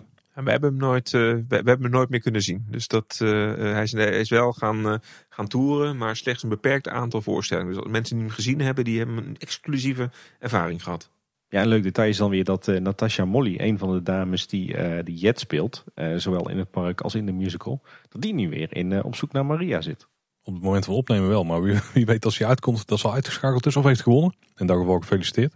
Maar zijn wij er wel kwijt in het park helaas. Sowieso wel goed hè, dat, dat we gewoon als drie dertigers al een kwartier lang toch over Jook en Jet kunnen praten. Ik vind Kleine Boodschap is toch, is toch wel team. Dat is de plek waar ik kan. Nou, laten we dan maar snel doorgaan naar, naar de volgende mediaproductie. Na het succes van eh, de Schatkamer, het mysterie van, uh, komt er in 2015 een opvolger van dat uh, programma. Dat heet Erecode. Een productie trouwens van het productiehuis van Ivo Nie, Nie Media. En dat is eigenlijk weer een speelshow die zich afspeelt in de Efteling. Uh, eigenlijk lijkt het ook wel heel erg op die twee andere titels uh, die ik noemde. Alleen het heeft een nieuwe uh, zender. Nickelodeon is een nieuwe samenwerkingspartner van, van de Efteling. Zo zie je ook wel dat de Efteling eigenlijk een aantal keren best wel samenwerkingen heeft opgezocht. Van publieke omroep tot allerlei commerciële zenders. En ja, Ehm, ik denk dat ook die titel wel gekozen is, omdat het op een andere zender ook weer een soort ander jasje moest uh, krijgen. Uh, in dit geval zijn het geen twee klassen, maar zijn er vier teams van steeds twee kinderen tussen 9 en 12. En uh, die vertegenwoordigen allemaal een van de vier rijken. Want op dat moment hadden we nog vier rijken in het park. En ze doen in het park allerlei opdrachten. Met uiteindelijk het doel om een erecode te kraken. Daarmee worden ze, worden ze ereburger van de, de Efteling. En dat doen ze onder leiding van uh, presentator Anouk Maas en uh, Bart Boonstra. En wat wel leuk is, is, is dit is ook wel een, gelijk een, een, een, heeft het een interactie met een, een digitale tool. Want er was een speciale app ook gemaakt in 2015. We komen een beetje ook in die tijd terecht. En dat betekent dat ook de kijkers thuis mee konden spelen. Dus daarmee werd ook expliciet de link gelegd tussen de online wereld van, van de Efteling en het televisieprogramma. en nou, die, die serie is in 15, 2015 uitgezonden. En aangezien YouTube inmiddels ook een onderdeel was van de Efteling, daar komen we zo meteen nog wel op, op terug, werden ook die seizoenen op YouTube integraal uitgezonden. Ik moet bekennen dat dit programma echt volledig aan mij voorbij is gegaan. Ik denk dat je net buiten de doelgroep viel op dit moment, Tim. Ja. Met uh, ongeveer een verdubbeling van de leeftijd. maar dan wil niet altijd wat zeggen, Paul. Ik denk dat je een goede ereburger was geweest, Tim. Maar goed, dat zullen we niet weten. ik, ik, denk niet dat we heel erg naar de doelgroep moeten kijken. Want ik denk dat ik zo'n beetje alle Yogi-afleveringen uh, uit het hoofd kan meepraten. Dus, uh... Dan ben je indirect de doelgroep, hè? Ja, dat is waar. En dan ook best een verrassende serie, die ook nog eens uitgekomen. Die uh, volgens mij al jaren op de plank heeft gelegen voordat wij hem daadwerkelijk hebben gezien. Ja, introduceer maar, Bjorn. Ja, dat zijn de Lummels. Dat is eigenlijk uh, een van de laatst verschenen producties, ook het Efteling Media, 2016. Dat zegt ook wel iets over de keuzes die de afgelopen jaren zijn uh, gemaakt. En uh, ja, dat, dat heeft een lange historie. Want er was sowieso al in 1999, toen ook de hele merchandise van de Lave echt zo ontzettend succesvol was, omdat iedereen in Nederland zo'n Lave in de tuin had staan. Toen, toen werd er ook al gedacht over wat, wat kun je nog meer doen. En het was een van de ideeën ook echt om een soort computeranimatieserie te maken van de Lave. Dat dat idee is toen in, in de koelkast uh, beland. Maar in 2011 werd ineens het merk Lummels geregistreerd. En uh, toen wisten we in de fanscene al... hey, er gaat toch ook misschien iets gebeuren rondom het hele thema van het, uh, het, volk van Laaf. En uh, dat bleek waar te zijn, want in 2012 werd er in eerste instantie een pilot gemaakt voor de, de serie Lummels, de Motec Entertainment. Waarin de, gebaseerd op de ontwerpen van Alessio Castellani, ontwerpen bij de Efteling, inmiddels daar niet meer werkzaam. Op dat moment werd ervoor gekozen om daar niet al te veel mee te doen. op dat moment werd, de focus gelegd op andere merken. Nou, ze kwamen langs, Sprookjesboom, Joki, Ravelijn, Pardoes. maar later werd er alsnog een tweede animatie gemaakt onder de naam Lummels en door Kaching Cartoons, die we ook eerder al terug zagen bij de Gobbenbollenmaker Lol. Ook vanuit de gedachte volgens mij dat we dus een nieuwe attractie zouden gaan krijgen bij het Volk van Laaf. Twee vrije valtorens waarin ook die lummels een rol zouden spelen. Maar uh, je, je, zag dat, dat die investering volgens mij niet definitief was. Dus werd ook steeds het uitzenden van die lummels uh, uitgesteld. Naarmate de attractie zou moeten verschijnen. En uiteindelijk belandde het plan om die attractie te maken in de koelkast. En toen is er uiteindelijk voor gekozen om de serie uiteindelijk maar gewoon nog los uit te brengen. In eerste instantie in de verblijfsaccommodaties van het park. En uiteindelijk ook in 2017 nog bij RTL op, op televisie. Ja, en bekend natuurlijk ook van een aantal producties waar ook René Merkelbach aan heeft meegewerkt. Dat waren trouwens 13 afleveringen van ieder 11 minuten. Die serie die werd in eerste instantie door geen enkel tv-station afgenomen. en uiteindelijk verscheen die dan maar in 2016 op het tv-kanaal van de verblijfsaccommodaties van de Efteling. En in juli 2017 was hij uiteindelijk toch nog te zien op landelijke tv bij, bij Telekids. En nu kan je hem nog steeds uh, terugkijken op YouTube, gewoon volledig. En hij wordt ook nog uitgezonden op het tv-kanaal van de verblijfsaccommodaties. Ik denk dat we wel blij moeten zijn dat dit zo'n serie is die alleen maar een serie is gebleven. Want als je de Laaf hebt, wat toch best wel een smaakvol, sfeervol geheel is. En die zet het af tegen deze serie, wat echt een beetje flitsend voor de jeugd is, zeg maar. Voor de jonge jeugd. Je had daar dan een attractie op gebaseerd gehad met vrije valtorentjes. Dan stel ik me echt gewoon zo'n perlecatalogus, maar ook met die kleurenstellingen voor en die daar dan, eh, dan, toch misschien wel een doorn in het oog waren geweest in een hoekje uh, naast het lavelaar. Had natuurlijk ook heel anders uit kunnen pakken. Ik weet het niet, maar dat zijn echte beelden die er dan bij me opkomen. Dus in het park er niks van hebben gezien, daar kunnen we misschien wel blij mee zijn. Maar natuurlijk wel goed dat ze, dat ze wat inspiratie op hebben gedaan in het, het originele verhaal van de lave door Tom van der Ven. En dat ze dat zijn gaan uitbouwen naar een, een heel nieuw IP.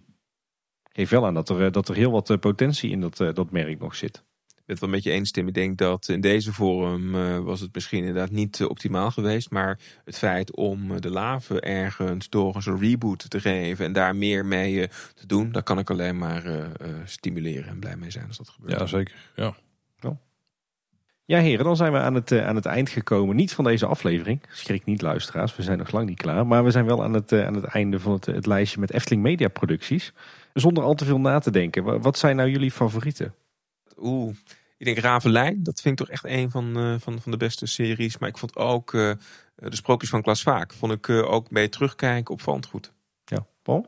Oeh, nou dan wil ik toch een duit in het zakje doen voor de, de magische wereld van Pardoes.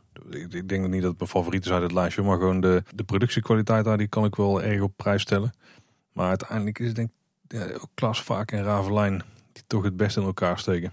Ja, bij mij zelf, als ik zelf kijk naar mijn favorieten, ik denk de, de mooiste series, uh, zeker Ravelijn, uh, Sprookjes van Klaas Vaak uh, en ook de serie Sprookjes uit 2004, de allereerste mediaproductie.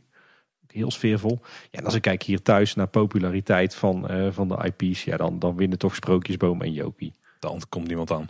Qua IP en qua succes, ook in commerciële zin, is, is, is dat absoluut, ben ik dat met je eens.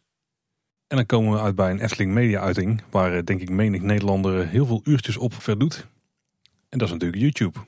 En uh, inderdaad, en ook Efteling uh, kiest ervoor in uh, 2012 om op dat medium actief te gaan worden. Dat is dus echt al een aantal jaren nadat ook Efteling Media Producties is, is opgericht. En er wordt voor gekozen om juist dat kanaal ook te gaan vullen. En veel van de producties die we ook zo meteen eruit gaan lichten, die zijn door de Efteling Media Producties zelf geproduceerd.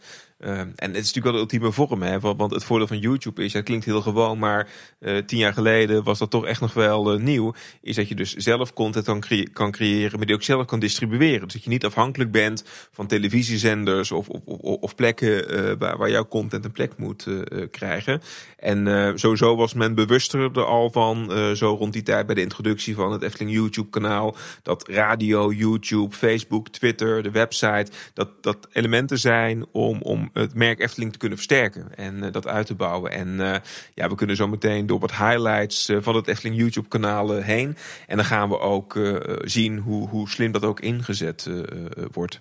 Overigens het startpunt van het YouTube kanaal, dat, dat wordt opgehangen aan de attractie Aquanura, die in 2012 natuurlijk opent. En uh, ja, dan beginnen we met Benton. Hij wordt nog vaak genoemd, hè, zeker in de fanscene, als uh, het gezicht van, van het Efteling YouTube En hij nam heel veel video's op rondom het park. En vooral ook achter de schermen bij Aquanura werd er gekeken van hoe ziet dat er dan uit. En waar de Efteling vooral ook een feestje van maakte, was dat de première van Aquanura, dat werd een grote spektakel. Dat werd op televisie uitgezonden, maar dat werd ook zeker op YouTube groot uitgebracht. En daar daarmee werd de Efteling, het Efteling YouTube kanaal meteen op de kaart gezet.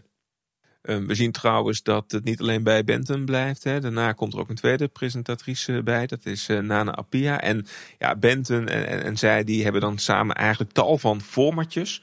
Uh, op het YouTube-kanaal, waarin ze in, uh, vooral met kinderen aan, aan de slag gaan. En ja, die formatjes zijn wel heel wisselend volgens mij. Ze hebben het Efteling Kids Testpanel, waarin kinderen een bepaalde attractie moeten doen.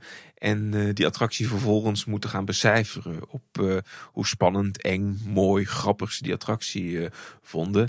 Ja, um, dat is vooral ook gewoon een manier om die attracties nog eens extra aandacht te, te geven op het kanaal. Wel leuk is, is bijvoorbeeld Vragen de Efteling, waarin kinderen al hun vragen mochten stellen over, over de Efteling hoeveel kilometer achtbaan ligt er eigenlijk wel niet in. Uh, maar dan zie je ook bekende Efteling-figuren die ook jullie regelmatig in, de uitzendingen hebben. Dus ook bijvoorbeeld uh, Ivo Suutmeijer uh, komt daar bijvoorbeeld gewoon langs om, om vragen van kinderen te, te beantwoorden. Dus dat is dan wel leuk, ook voor de liefhebber, om soms een kijkje achter de schermen te krijgen. Ja, ik moet zeggen, de, de, de laatste tijd is, is het Efteling YouTube kanaal heel erg inhoudelijk. Hè, met making-ofs en bepaalde series waar we het zo nog wel over zullen hebben. het tijdperk met, met Benton en en Nana was natuurlijk minder inhoudelijk. Dat was wat dat betreft, uh, ja, toch gewoon wat platvloerse vermaak. Maar het was wel heel leuk. Ik bedoel, ze deden het wel hartstikke goed. En het, er kwamen heel veel video's uit. Het, het, het was allemaal heel vlot. Dus ze begonnen wat dat betreft heel erg actief. Misschien, misschien niet heel erg op inhoud, maar ja, gewoon wel een, een, een YouTube-serie, denk ik, waarbij uh, veel mensen ook aangehaakt bleven. Ja, het, het was ook een soort experimenteren hè, van wat kun je met dat kanaal. En wat ik daar heel erg leuk aan vond, is dat er ook gewoon heel veel contact was. Gewoon met, met de bezoekers hè, en met de medewerkers. Dus het waren ook een soort van vliegende keeps die, die met een camera en een microfoon door het park heen eh, gingen. En ook gewoon een beetje vastlegden van wat gebeurt daar. En, en, en, en, en um, ook de gewone bezoeker kwam daar gewoon regelmatig in beeld. Dat, dat hebben we later veel meer gekunsteld gezien. In ondertussen de Efteling, waarin het dan een soort van ingewikkeld vormetje moet, uh, moet worden. Maar uh, wat zeker Benton ook, ook, deed, is dat gewoon heel spontaan interactie met mensen aangaan. En dat gewoon uh, in de etalage zetten. En, en misschien dat die laagdrempeligheid en misschien de eenvoud van, van wat het was, dat dat wel eigenlijk juist de kracht was. Ja, en ik denk dat zeker Benton ook echt wel het gezicht van de Efteling is geweest een aantal jaar. Hij is echt wel bekend op een gegeven moment als de, de, de, de vliegende reporter als de luis in de pels die er altijd bij was, weet je wel. Iets in een rol die nu meer door, door, door zeg maar externe vloggers opgepakt wordt. Eh, eh denk aan een Bart Baan. Eh, of door ons als podcasters. Maar eigenlijk had de Efteling toen al een soort van eigen vlog. Precies, waarbij je dan ook nog eens een keer wel regie hebt op wat je daarin naar voren wilt, wilt laten komen. En ontzettend groot bereik had uh, via dat kanaal. Ja. Het is natuurlijk wel zo dat Benton dus niet iemand van Efteling zelf. Dat ook gewoon iemand die ze daarvoor in hebben gehuurd. Dus hoewel het het gezicht was van de Efteling een beetje op dat moment, in ieder geval online, was hij natuurlijk niet in het echt. Het was geen Efteling woordvoerder of een interne medewerker van het park zelf, zeg maar. Dus de, net als dat je vroeger ontdekte, weet je wel, dat acteurs in die series, dat, dat de, de rol die ze spelen, dat er niet echt is wie ze zijn. Maar dat het gewoon mensen zijn die ook gewoon een normaal leven hebben. Eh, dat gevoel had ik hier ook altijd een beetje bij, weet je wel. Van dat het toch een beetje een rol was. En niet misschien super Efteling authentiek. Op zich de formatjes die ze hadden, ik denk dat die tegenwoordig ook nog steeds het best goed zouden doen. Ja. Ik moet zeggen dat mijn dochters die eh, via de Efteling app kijken ze nog wel eens van deze video's. Want er staan er best wel wat nog eh, gewoon in. Ik denk dat het nog steeds wel zou werken. En misschien is dit niet het jaar geweest waarin ze dit nog hadden kunnen uitvoeren. Misschien waren de plannen er wel. Want eind 2019 hebben we flink wat YouTube-plannen geopperd zien worden die nog niet hun vrucht hebben afgeworpen. Misschien dat dit ooit nog wel terugkomt natuurlijk. Hè? Ik, ik denk dat dit een, een veel betere vorm is van een, eh, een terugkerend YouTube-format dan, dan zo'n ondertussen in de Efteling. Wat eigenlijk een heel onpersoonlijk format is. Ik zou er ook voor zijn. En het is vele malen goedkoper. En, en, en misschien dat soms. Het, het is ook een beetje als je te lang nadenkt over zo'n format. en je maakt het te ingewikkeld. dan drijft het volgens mij ook soms ver af van, van wat je ermee beoogt. En eh, volgens mij is dit in zijn simpelheid eigenlijk juist heel effectief. Dus ik, eh, ik zou het heel goed vinden. Ja, zet gewoon een eh, vlot iemand met een microfoon en een camera in het park. En, en laat diegene iedere week een rondje rennen. En wat mensen de microfoon onder de neus steken. En wat actualiteiten beha- behandelen. En je bent er toch? Misschien is dat ook wel het probleem, hè, wat ik net een beetje opperde. Dat ze als iemand het gezicht willen laten zijn van het park, dat ze dan het liefst iemand hebben die gewoon echt Eftelings is. Bij wijze van spreken Luc de Portier of zo, weet je wel. Nou, Dat zo iemand dat ze die het zou laten doen. Het zou niet geschikt zijn voor, deze vol, of voor dit format, maar er is vast wel iets te bedenken wat hij eh, prima zou kunnen doen. Een hello goodbye met Luc. Nou, dat zou toch... dat zou wel kunnen werken trouwens. Ja. We schudden de formatjes hier zo uit de mouw. Niet lang over nadenken hoor ik net. Dat doen we dan bij deze ook niet. ik denk- dat er meer dan genoeg eh, ta- talentvolle mensen in de Efteling-organisatie werken. Die, die dit zouden kunnen. En dan, die dan niet per se bij communicatie of entertainment hoeven te werken of zo. Nee, inderdaad. Maar wat je nu dus vaak ziet is dat het, eh, het zijn gezichtsloze video's. Hè? Of het is met een voice-over. Of het verhaal wordt gewoon verteld door degene die in de video zitten. Je hebt niet meer echt een gezicht van het Efteling YouTube kanaal. Wat je toen wel had. Sterker nog, dit was, een van, dit was eigenlijk gewoon de hoofdmoot. 90% van wat er langskwam. En zoals als er dan een grote opening was. Zoals Bron 1898. Dan eh, stonden Nana en Bent ook gewoon klaar. Hè?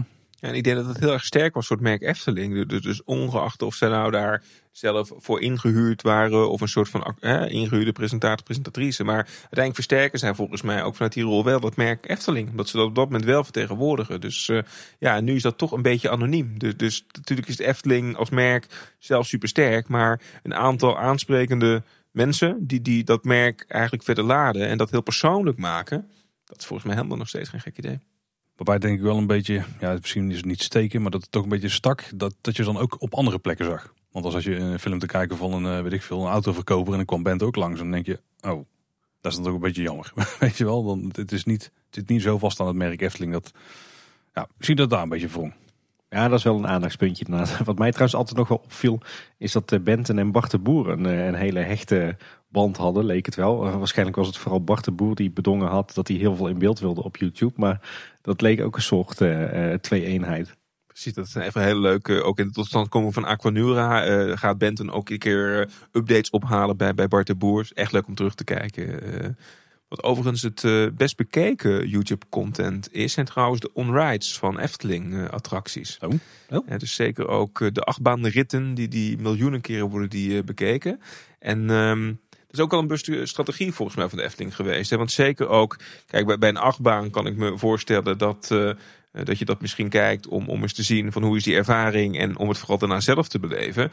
Maar zeker bij, bij Dark Rides en, en ook bij de komst van Symbolica vond ik het eerst wel een opmerkelijke keuze. Omdat de Efteling eigenlijk op de dag voor de opening ook een hele on-ride eh, on, on- online eh, eh, zette. En, maar later begreep ik dat, dat, dat wel. Want wat ze daar natuurlijk daarmee wel doen is aan de ene kant eh, reuring geven aan, aan die attractie. Maar ook zelf regie hebben op dat er een goede kwaliteit on-ride van die attractie ook gewoon beschikbaar is. Waar ook het Efteling-logo op, eh, op staat. Dus op die manier eh, weet je ook gewoon wat een beetje het visitekaartje is van die attractie in, in de buitenwereld. En hopelijk zijn mensen dan nieuwsgierig genoeg om te kijken van dat wil ik nou eens eh, met echt, eh, in het echt bekijken en met eigen ogen gaan, eh, gaan zien. Terwijl dat natuurlijk ontzettend gespoeld wordt. Maar aan de andere kant, iedereen die met een telefoon en met zijn eigen camera en de attractie eh, beelden online eh, zet, dat gaat toch eh, gebeuren. Dus eh, nou, ik denk wel slim om daar zelf ook een beetje regie op, eh, op te hebben.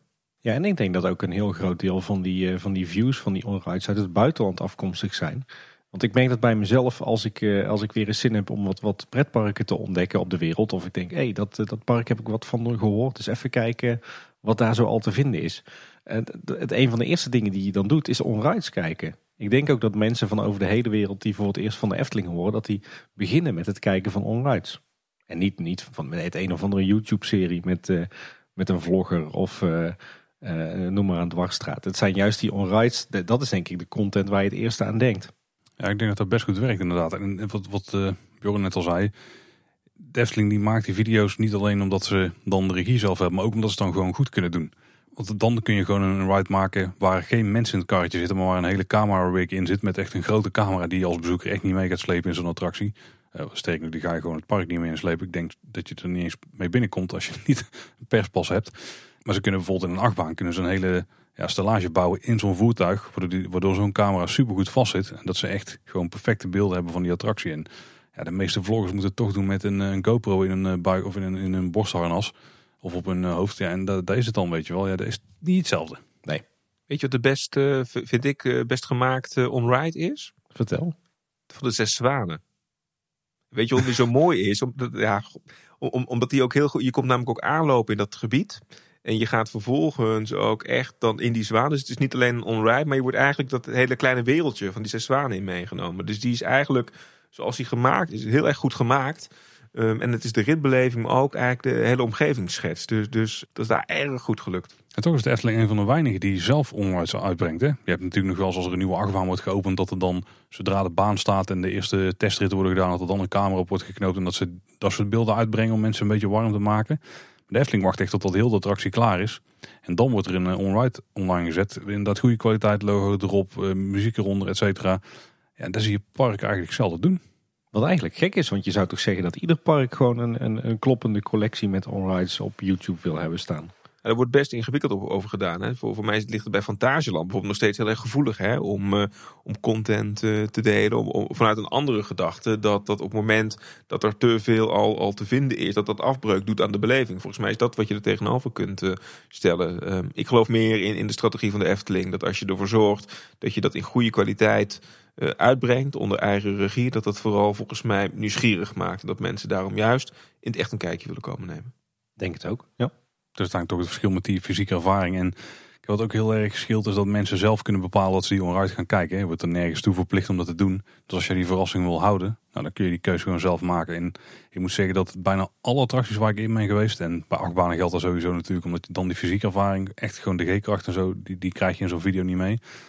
Maar bij alle attracties waar ik een online van heb gekeken, ben ik nog steeds wel verrast als ik in de attractie zelf zit. Misschien niet een grotere reveal of zo, maar er zitten altijd details in. Of gewoon de beweging die je maakt. Waardoor het vooraf kijken van zo'n onride niet per se afbreuk heeft gedaan aan de attractie. Absoluut. En, en bijvoorbeeld ook symbolica, hoe goed ook die, die onrides zijn gemaakt. Maar als je dus uh, een 360 graden beleving hebt, en dan uh, wil je ook je eigen kijkkader hebben. Dus je wil ook zelf kunnen focussen en, en weten waar je naar kijkt. Dus dat is, is echt anders in het echt. Ja. Op het Efteling YouTube kanaal zijn natuurlijk een aantal subkanalen aangemaakt. Hè. Daar hebben we Efteling Junior, daar hebben we Efteling Theater.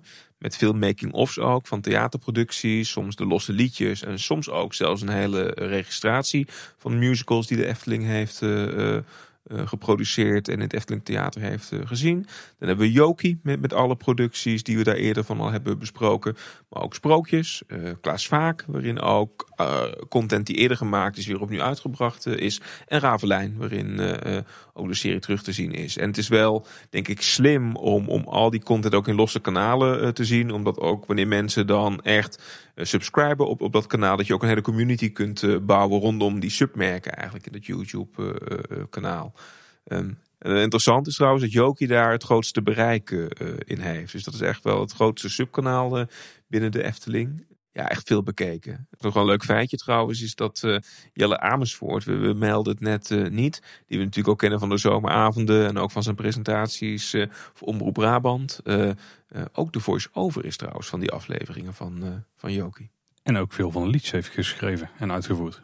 Ja, precies. Ehm, ja, en we hadden het net ook al over de, de formats hè, en hoe eenvoudig uh, of, of niet eenvoudig die zouden moeten zijn. Het, het, lijkt ook wel een soort zoektocht van de laatste tijd. Hè, want uh, ook naar Bente en Nana uh, meer vo voice-overs. En ja, die formats die daarna zijn gekomen, die, dat, dat is zoekende Efteling tips. Ja, dat is gewoon van Kleine Boodschap gestolen. Hè, want dat is eigenlijk gewoon jullie afleveringen in beeld gebracht, zou je kunnen zeggen. Droomklus, waar, waarin echt hele ingewikkelde capriolen werden uitgehaald met wensen van, van, van van kinderen. Maar die werden dan weer met drie verhalen door elkaar gemonteerd. Waardoor ik ook echt dacht van wat is nou precies uh, de bedoeling. En ondertussen de Efteling, jullie refereerden er volgens mij ook al eerder aan. Dat dat, ik weet nog steeds niet precies waar ik dan naar kijk. We hebben het ook nog niet kunnen ontleden. Ik vraag me nou iedere keer bij af, wat is nu eigenlijk het verhaal wat je wil vertellen hier? Ja. Volgens mij is dat, dat een, verhaal, een, een vraag die je jezelf als Efteling ook moet stellen voordat je zo'n format bedenkt. Wat wil ik de kijker nu gaan vertellen en waarom en hoe doe ik dat dan? Ja, en daar is wat mij betreft te weinig naar gekeken bij uh, die, die laatste YouTube-serie ondertussen in de Efteling. Ik kan me voorstellen dat er heel erg gepoogd is om toch weer een soort van nieuw thema of nieuw concept te bedenken. En dat je daar over gaat brainstormen en echt eh, een aantal variaties op, op, op een eerder thema dan wil doen. En dat dit er dan uitkomt op, op papier. Eh, even eerlijk gezegd. En als je het gaat maken, dat dat dan misschien toch niet helemaal lekker in elkaar past. Daar doet het me een beetje aan, aan denken. Ja. En de beste stuurlui staan wel. Hè? Dus wij hebben makkelijk praten. Is ook zo. Dat is ook zeker zo. En uh, trouwens in het junior kanaal, daar, daar, zitten ook nog een aantal aparte titels uh, in. Programma's als Escape Efteling of Na Sluitingstijd. En die zijn ook ontzettend populair. Vooral denk ik ook eh, bij de jeugd. En wat de Efteling daar denk ik wel slim in, doet, is aansprekende vloggers of influencers. Die laten ze dan uh, ja, in escape room symbolica uh, laten ontsnappen. Goed bekeken. Maar, maar ik merk wel bij mezelf in ieder geval. Maar ik zie het ook wel vaker terug in reacties van liefhebbers. Dat die content ook wel ver afstaat volgens mij van, van de liefhebber. Of ik ben gewoon jaloers omdat ik zelf ook een escape room in Baron 1898 wil zitten. Dan kan het ook gewoon het, het, zal van allebei een beetje zijn, denk ik. En dan een paar series die wel echt de moeite zijn om even los uit te lichten, denk ik. Ja, eh, de eerste serie is volgens mij eh, Hier werk ik. Dat is een serie die bedoeld is om vooral de Efteling als werkgever uh, zichtbaar te maken. Uh, negen afleveringen zijn, uh, zijn daarvan gemaakt. Maar een aantal die zijn echt de moeite waard om terug te kijken. Eén ehm, gaat er over Droomvlucht. Waarin een aantal medewerkers wordt gevolgd die bij Droomvlucht werken. En wat ik daar zo leuk vind is dat er hele mooie achterschermen beelden in zitten. Het mooie is dat je ook ziet dat het dus mogelijk is om voertuigen in en uit te rangeren. En dat is een leuke blik achter de schermen bij het opstarten van die attractie s ochtends. Dus die zou ik zeker terugkijken. Hetzelfde geldt voor Hier werk ik de aflevering over Baron 1898. Waarin mee worden genomen ook bij het controleren van de baan, hoe de achtbaantreinen worden, worden onderhouden. Is ook echt super tof om daar in de onderhoudsruimtes uh, te kunnen kijken. Uh, en de aflevering over Joris en de Draak, waarin je echt dus uh, helden ziet die aan het afzeilen zijn van Joris en de Draak. En daar schroefje voor schroefje kijken of de constructie van de achtbaan nog goed is. Ja, dat zijn echt wel hele toffe blikken achter de schermen in deze serie. Ja, deze afleveringen geven ook echt een prachtig kijkje achter de schermen. Hè. Eigenlijk haast ongewoon voor de Efteling om zo'n blik achter de schermen te geven. In zoveel detail, met zoveel techniek. Uh, echt uh, een must om te kijken inderdaad. Ja, kijk, er is nog een andere vorm om een blikje achter de schermen te geven. En dus dan vooral in de aanloop naar attracties toe of de historie daarachter. En dat is denk ik ons allerfavoriete serie op het Efteling YouTube kanaal. Nou, misschien, laat ik het zo stellen, misschien zelfs wel de allerpopulairste Efteling media uiting die er gewoon überhaupt bestaat. Want dat is natuurlijk... Ja, dat is de magische klok, hè? Um, ja, zeker. Dat is altijd waar ik altijd van denk, waarom zijn ze zo kort? en, en waarom komen ze niet meer? Het zijn uh, eh, 32 afleveringen um, waarin uh, de rijke geschiedenis van de Efteling wordt, uh, wordt gepresenteerd. En uh, ja, ik, ik, moet bekennen, af en toe beeldje voor beeldje. Het leuke ervan is dat, dat het zijn uh, soms thema's die gaan over attracties of over de horeca. We zien alles uh, langskomen. Maar er zit vaak heel uniek archiefmateriaal in. Hè? Dus het is eigenlijk, nou, chroniek van een sprookje, vind ik dit echt ook wel de, de plek waarin er heel veel materiaal uit het archief van de Efteling echt voor, voor de liefhebber weer beschikbaar wordt gemaakt. Ook in ontwerptekeningen van bijvoorbeeld extra geveltjes bij de halve maan. Dat zien we allemaal terug. 32 afleveringen inmiddels. En uh, uh, vaak heel kort, maar ook een, een bijna kwartier lang durende aflevering over 65 jaar Efteling. Die echt uh, heel veel mooi archiefbeeld bevat. Met uh, snelle voice-over, snel gemonteerd, heel veel mooie beelden. En ja, ik denk dat mijn favoriet uh, natuurlijk wel die van de Bob is. Misschien een beetje uit sentiment, maar uh, prachtig om ook te zien bijvoorbeeld wat de geschiedenis van die attractie is. En ook unieke archiefbeelden daarbij. Ik hoop dat we Polka Marina binnenkort nog gaan krijgen. Het is toch ook wel mooi om op die manier nog een mooi eerbetoon aan een klassieker te, te krijgen. Ja, en Tim zit hier natuurlijk in, hè? Ja, ja, ja. Ja, bij de aflevering over de Vliegende Hollander uh, oh, ja. komt hij in beeld. Dus uh, tja. Ja, volgens mij komt hij uit, uh, uit de making-of van de Vliegende Hollander, hè? Die, dat beeldje. Ja. Hebben jullie favoriete afleveringen in deze reeks? Poeh. volgens mij vrijwel allemaal ja, favoriet. inderdaad. ik, heb, ik heb sowieso even niet heel de serie voor me, maar dit is, ja, bijna iedere aflevering zitten wel weer nieuwe toffe dingen in. Ik vind het wel leuk dat ze hier af en toe ook heel erg eh, in detail gaan. Er is volgens mij een, aflevering over eh, het groen van het park. Een aflevering over de geschiedenis van de horeca in het park. En volgens mij was de laatste aflevering ging over de verschillende ingangen van het park. Ja joh, die, die, zijn, die zijn op zo'n detailniveau. Dat, dat is gewoon gemaakt voor de grootste Efteling-liefhebbers. Anders maak je zoiets niet. En ik denk ook dat je niet moet onderschatten hoe ongelooflijk veel werk van het Efteling-archief eh, in deze YouTube-producties zitten. Ja, en ik hoop ook echt dat, dat, dat deze serie opgepakt wordt. Want er zijn er 32 nu. Ik denk dat hier echt eh, nog veel meer afleveringen over te maken zijn. Ik snap dat dat best uh, een investering is. En, en, zeker in deze tijd is dat lastig. Maar ik denk dat we heel veel liefhebbers uh, toch blij zouden maken met een vervolg op, op de Magische Klok. Absoluut. Wat mij betreft de beste YouTube-serie ooit gemaakt door de Efteling door de Efteling zou je soms misschien wel kunnen wegstreven. Nou, dat is een moeilijke statement om te maken. maar dit is echt meteen kijken, vrij, tijd vrijmaken en uh, alles absorberen wat erin zit. En Tim, je had het net over eh, de Efteling liefhebber, dat dat daar echt een serie voor is. Maar er is ook een serie gemaakt over de Efteling liefhebber. Ja, Efteling fans. Of Efteling fonds. Als je het logo een beetje ja, leest zoals het er eigenlijk gewoon staat. Met de paddenstoelen, ja. Niet heel erg gunstig gekozen. vind het een mooi statement hoor. Door ook echt een serie te maken om, om je eigen liefhebbers in het zonnetje te zetten. Dat vind ik echt uh, uh, een, een, mooie keuze. En uh, nou, ik vind zit best wel verschil tussen de afleveringen, maar een aantal zijn echt heel tof. Bram Elstak, natuurlijk ook bij jullie in, in de uitzending geweest. de tatoeëerder, beroemd om zijn mooie Efteling tatoeages. En ja, prachtig om, om, om, om te kijken ook in waarom hij zo fan is. En ook wat hij doet met, met zijn fanschap ook in, in zijn werk. Maar ook Marie van Heumen, die, die, die toch ook vertelt over wat het park voor hem betekent. En hoe hij zijn werkende leven daar heeft besteed. Maar ook DJ Domi Verschuren, die weer eens teruggaat bij uh, de Kleine Klaroen, waarin hij ooit uh, zijn vakantiebaantje deed. Ja, het, is, denk liefde van de Efteling voor de liefhebber en, en de, de, de fans die in beeld komen. Hoe die praten ook over hun liefde voor het park. Het is een hele mooie serie, vind ik daarmee. Ja, en het zijn ook echt kleine mini-documentaires eigenlijk. Want je volgt, je volgt de betreffende fans echt ja, in hun hele dagelijkse leven. Ze bezoeken de Efteling, maar ze worden ook thuis bezocht. Uh, ze vertellen waar hun liefde voor de Efteling vandaan komt. Heel tof om te zien. Er is heel veel aandacht aan besteed. Dus ook uh, aan het visuele. Dus ook in die aflevering van Marja van Heumen. Die, die, die, die, gooit dan een bal over in, in beeld. Dus het is ook eigenlijk in het esthetische stuk is, is daar heel veel tijd, energie en aandacht aan besteed. En dat, dat is wel mooi. Ja, wat ik ook wel mooi vind, is dat het het liefhebberschap normaliseert. Dus eh, de Efteling laat hier aan de wereld zien dat het helemaal niet gek is als je echt een groot liefhebber bent van het park. En dat iedereen dat kan zijn, zeg maar. In alle all walks of life, zeg maar, die kunnen Efteling liefhebber zijn. En daar hoef je echt niet, ja, als liefhebber zelf snappen we dit wel, maar daar hoef je niet voor te schamen. Maar iedereen die kent wel natuurlijk dat je op een feestje, dan wordt er misschien een beetje lacherig, over gedaan. Totdat je een beetje gaat vertellen wat erachter zit in de geschiedenis en wat het heeft betekend voor de omgeving en bla bla. Nou, dat is allemaal typische verhaal die bij ons honderden keer al langs hebt horen komen. Maar het grote publiek, laat je dit nu aan zien dat het, het is heel normaal om Efteling liefhebber te zijn. Het is iets heel moois, het is bijna iets magisch, zelfs wel om dat te zijn. En dat denk ik dat die serie dat heel goed doet. En aan een groot publiek uh, overbrengt. Het is mooi hoe de Efteling volgens mij daar de fans heeft omarmd.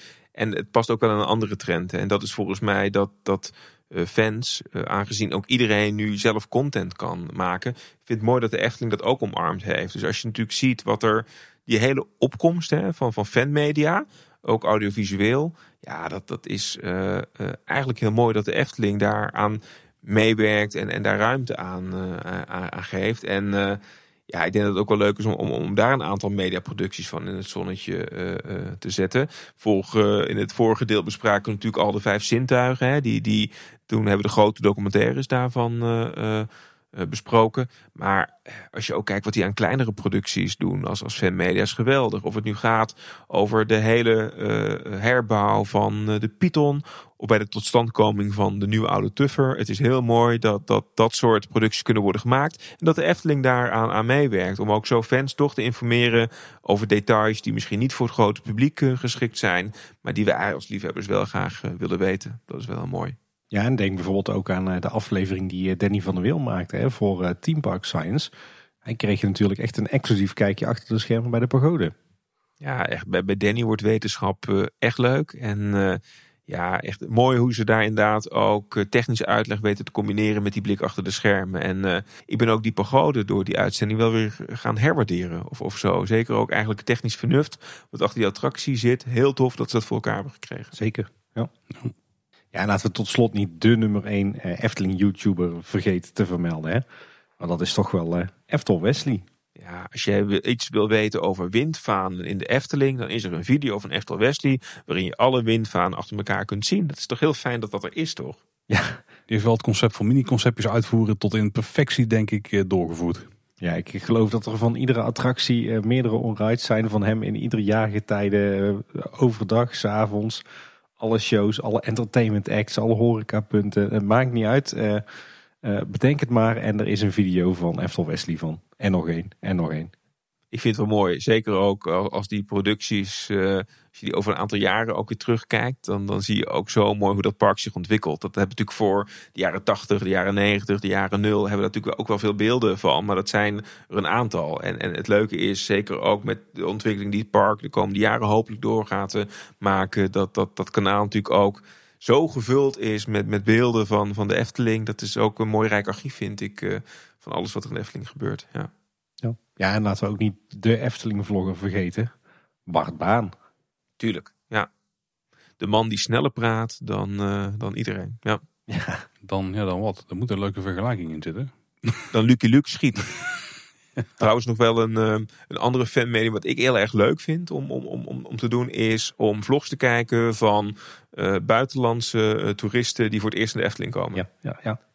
absoluut dat is voor de Nederlandse liefhebber ook leuk. Omdat ik dan toch altijd weer denk dat je door andere ogen weer het park wat je zo goed kent gaat bekijken. Dus iets wat wij natuurlijk zo normaal vinden. Uh, uh, dat is in de ogen van iemand die er voor het eerst komt. Uh, vanuit een andere deel van de wereld. Dat is echt heel tof. En voor mij moeten we niet allemaal zo enthousiast zijn als Sean van Team Park Worldwide. Want die vindt natuurlijk alles amazing. Maar er zijn ook volgens mij wat gematigdere vloggers die wel nou ja, zich verbazen. En, en ook soms iets wat wij normaal vinden toch echt bijzonder vinden. Dat is wel ja, ook heel tof om te kijken. Ja, dat is wel een hobby die ik met jou deel. Ik, ik kijk vooral graag naar naar vlogs van uh, Amerikaanse en Britse pretparkliefhebbers. En dan zeker als het echt Disney-liefhebbers in hart en nieren zijn.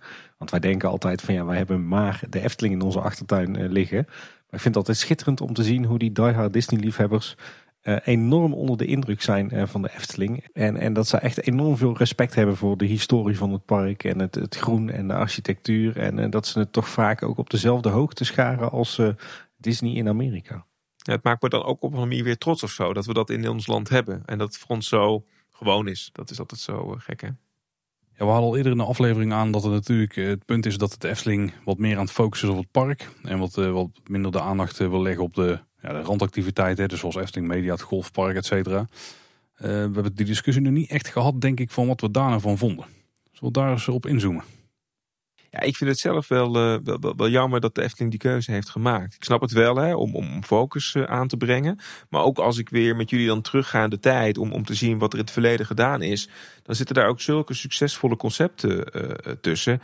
Kijk naar Sprookjesboom, kijk naar Ravelijn om verschillende redenen. Um, maar je ziet dat dat zo'n succes volgens mij geweest is. Niet alleen omdat dat bedacht is om het uh, parkbezoek te stimuleren. Maar omdat het ook concepten zijn die op een veel bredere manier het merk Efteling hebben versterkt uh, in de markt, in merchandise. Niet alleen binnen, maar ook buiten de Efteling iets hebben gedaan. Dus ik, ik, ik denk dat het nog steeds ook commercieel slim eh, eh, goed naast elkaar zou kunnen bestaan. Om natuurlijk het parkbezoek te stimuleren, maar ook om dat merk Efteling verder te laden. Ja, inderdaad. Ja, ik, ik heb dat ook wel hoor. Kijk, ik snap in, in moeilijke tijden zoals deze. Hè, we zitten nu uh, in de coronapandemie. La, laten we hopen dat we aan het einde van de pandemie zitten. Uh, en dat betekent voor de Efteling natuurlijk heel veel, financieel gezien. de 2020 en 2021 zijn, zijn toch twee rampjaren wat het betreft. Dus ik snap dat je in tijden van bezuinigingen... dat je je focust op, op je kernproduct, je attractiepark... Maar goed, deze ontwikkeling speelt natuurlijk al veel langer. Die speelt eigenlijk sinds het aantreden van Fons Jurgens als algemeen directeur. En hij heeft inderdaad gezegd van ik ga me vooral focussen op dat park. En natuurlijk ook op, op, op verblijfsaccommodatie. Eigenlijk de andere kernactiviteit van de Efteling momenteel. Ja, ik vind dat een hele rare stap en ook ontzettend zonde. Want ik denk, de Efteling is veel meer dan alleen een park. De Efteling is, is, is een merk, is een identiteit op zich, is uh, is een, nou ja, op zijn minst een product. Wat dus veel meer is en veel breder dan, dan alleen dat park. En ik denk dat je zoveel kansen laat liggen door nu te zeggen we focussen echt op dat attractiepark. Kijk, kijk al, al die andere uitingen, hè, denk aan de mediaproducties uh, dan in dit geval. Uh, het is ook een manier om de, de, Efteling bij de mensen thuis te krijgen. Op het moment dat ze het park niet kunnen bezoeken. Bijvoorbeeld omdat het gesloten is, zoals nu vanwege corona. Hè. We zitten nu, terwijl we dit opnemen, nog midden in lockdown. Uh, maar ja, sowieso. En er zijn natuurlijk heel veel mensen die maar één keer per jaar, of misschien maar één keer per, per twee, drie, vier jaar uh, naar de Efteling gaan. Maar die wel Efteling-liefhebber zijn. Ja, mediaproducties, maar ook een, een Efteling Kids Radio. Dat zijn natuurlijk perfecte manieren om de Efteling toch gewoon bij de mensen thuis te krijgen. Om ze aangehaakt te houden. Uh, om ze betrokken te houden bij dat merk. En om ze na verloop van tijd toch weer te laten terugkeren naar het park. Of merchandise te laten kopen. Of uh, nou ja, noem maar op. Dus ja, eh, volgens mij is de Efteling veel, veel, veel meer dan alleen het park. En, en ja, moet je dat dus ook breder aanvliegen. En, en zou je wat mij betreft echt niet moeten focussen op dat, op dat park alleen. Eh, en moet je ook toch zeker de, de ogen open houden voor mediaproducties, voor zakelijke evenementen, uh, voor merchandise en licensing, noem maar op. Ik kan me de keuze wel heel goed voorstellen hoor. Want ik denk waar we nu vooral op focussen dat er de series zijn. Hè? En de, de, de, de dramaseries en de animatieseries. Ja. Want we hebben natuurlijk nog steeds flink wat media-uitingen die de Efteling wel doet. Hè? En die ook echt van deze tijd zijn. Ik bedoel, we kijken het YouTube-kanaal en de series die daarop langskomen. Uh, dat, dat is waar een heel hoop van de aandacht en de, de eyeballs, zoals het in de business volgens mij noemen. En verbeter mij als ik het verkeerd zeg, Bjorn. Uh, waar die liggen. Want dat is gewoon online en op, en op plekken waar je zelf kunt kiezen wat je gaat kijken. En ik denk wat ook wel heel erg meespeelt aan het begin van, van fondsen aantreden.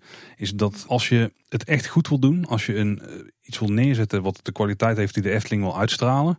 En waarmee je echt impact kunt hebben. Dus dat je een serie bijvoorbeeld kunt neerzetten die niet alleen leuk is voor kinderen om te kijken. Maar ook voor volwassenen. En dan hebben we het wel echt over series van Disney niveau bij wijze van spreken. Uh, dan denk ik dat het budget wat daarmee gemoeid gaat, dat er heel lastig te verantwoorden is uh, ten opzichte van wat je daaruit terugkrijgt van de mensen die dan mogelijk meer naar het park gaan. En zeker in Nederland is de Efteling gewoon al een heel sterk merk. Dus, dus ik denk heel erg dat de Efteling zelf het idee heeft dat het niet de moeite van die investering is. Want ik denk als je kijkt naar het budget waar die series in het verleden voor gemaakt konden worden. Maar als je, voor, als je een moderne serie wil wegzetten, dan daar gaat het om budgetten die voor de Efteling echt niet de moeite zijn, denk ik. Daar gaat om misschien wel ik heb geen idee, om, om een, tiental miljoen. Uh, daar, zit je al snel aan te denken, denk ik, voor een paar afleveringen. Uh, ik denk dat de Efteling het moeilijk kan verantwoorden aan zichzelf om dat soort investeringen nog te doen. En dan zijn dingen als Joki, uh, Jet en de Sprookjesboom, hoewel dat misschien wel het beste voorbeeld is van waarom je echt veel geld erin moet stoppen om het lange, een lang leven te laten hebben, zeg maar. Uh, maar doen ze nog steeds wat dingen mee. Omdat die waarschijnlijk voor een beperkt budget van misschien enkele 10.000 euro's per aflevering nog gerealiseerd kunnen worden. Ja, daar zet je dan op YouTube, weet je wel. Er is niet een, een, ze hebben geen eigen tv-kanalen waar ze het kwijt kunnen. Ze, ze, hebben geen vaste banden met zenders waar ze zendtijd standaard hebben die ze maar kunnen vullen met wat ze willen. Dus ook dat spelletje komt er nog iedere keer bij kijken. Ik denk dat het best een lastig verhaal is om zoiets in, in leven te houden als het niet je core business is. Want vergeet ook niet dat je hier echt wel mensen bij moet betrekken die weten waar ze mee bezig zijn. En waarbij dit echt hun brood en ziel is. Hè. Het is, ik ga even wel wat, wat voorbeelden erbij trekken van een van mijn andere interesses. Uh, Apple probeert al jarenlang om een voet aan wal te krijgen in een beetje de gamingwereld. Maar het is gewoon een techbedrijf. Die weten helemaal niet hoe je, hoe je iets met games moet doen. Microsoft is uiteindelijk gelukt omdat die mensen hebben aangetrokken van buiten die precies weten wat je moet doen. Die al uh, tientallen jaren ervaring hadden. Die hebben er ontzettend veel geld tegen aangegooid. Iets van 15 jaar verlies geleverd dat ze een winstgevende business daarin hadden, zeg maar. En De Efteling is gewoon een, de park is de kern. Daar zit al hun kennis in. Daar weten ze precies hoe ze daar uh, een succes van kunnen maken. En als je daarnaast nog van die series wil gaan doen, en voordat je dat opgebouwd en er echt iets aan kunt verdienen. Want ik denk namelijk dat dan pas de moeite is voor de Efteling als die serie niet alleen exposure biedt, maar ook als ze er gewoon geld aan kunnen verdienen.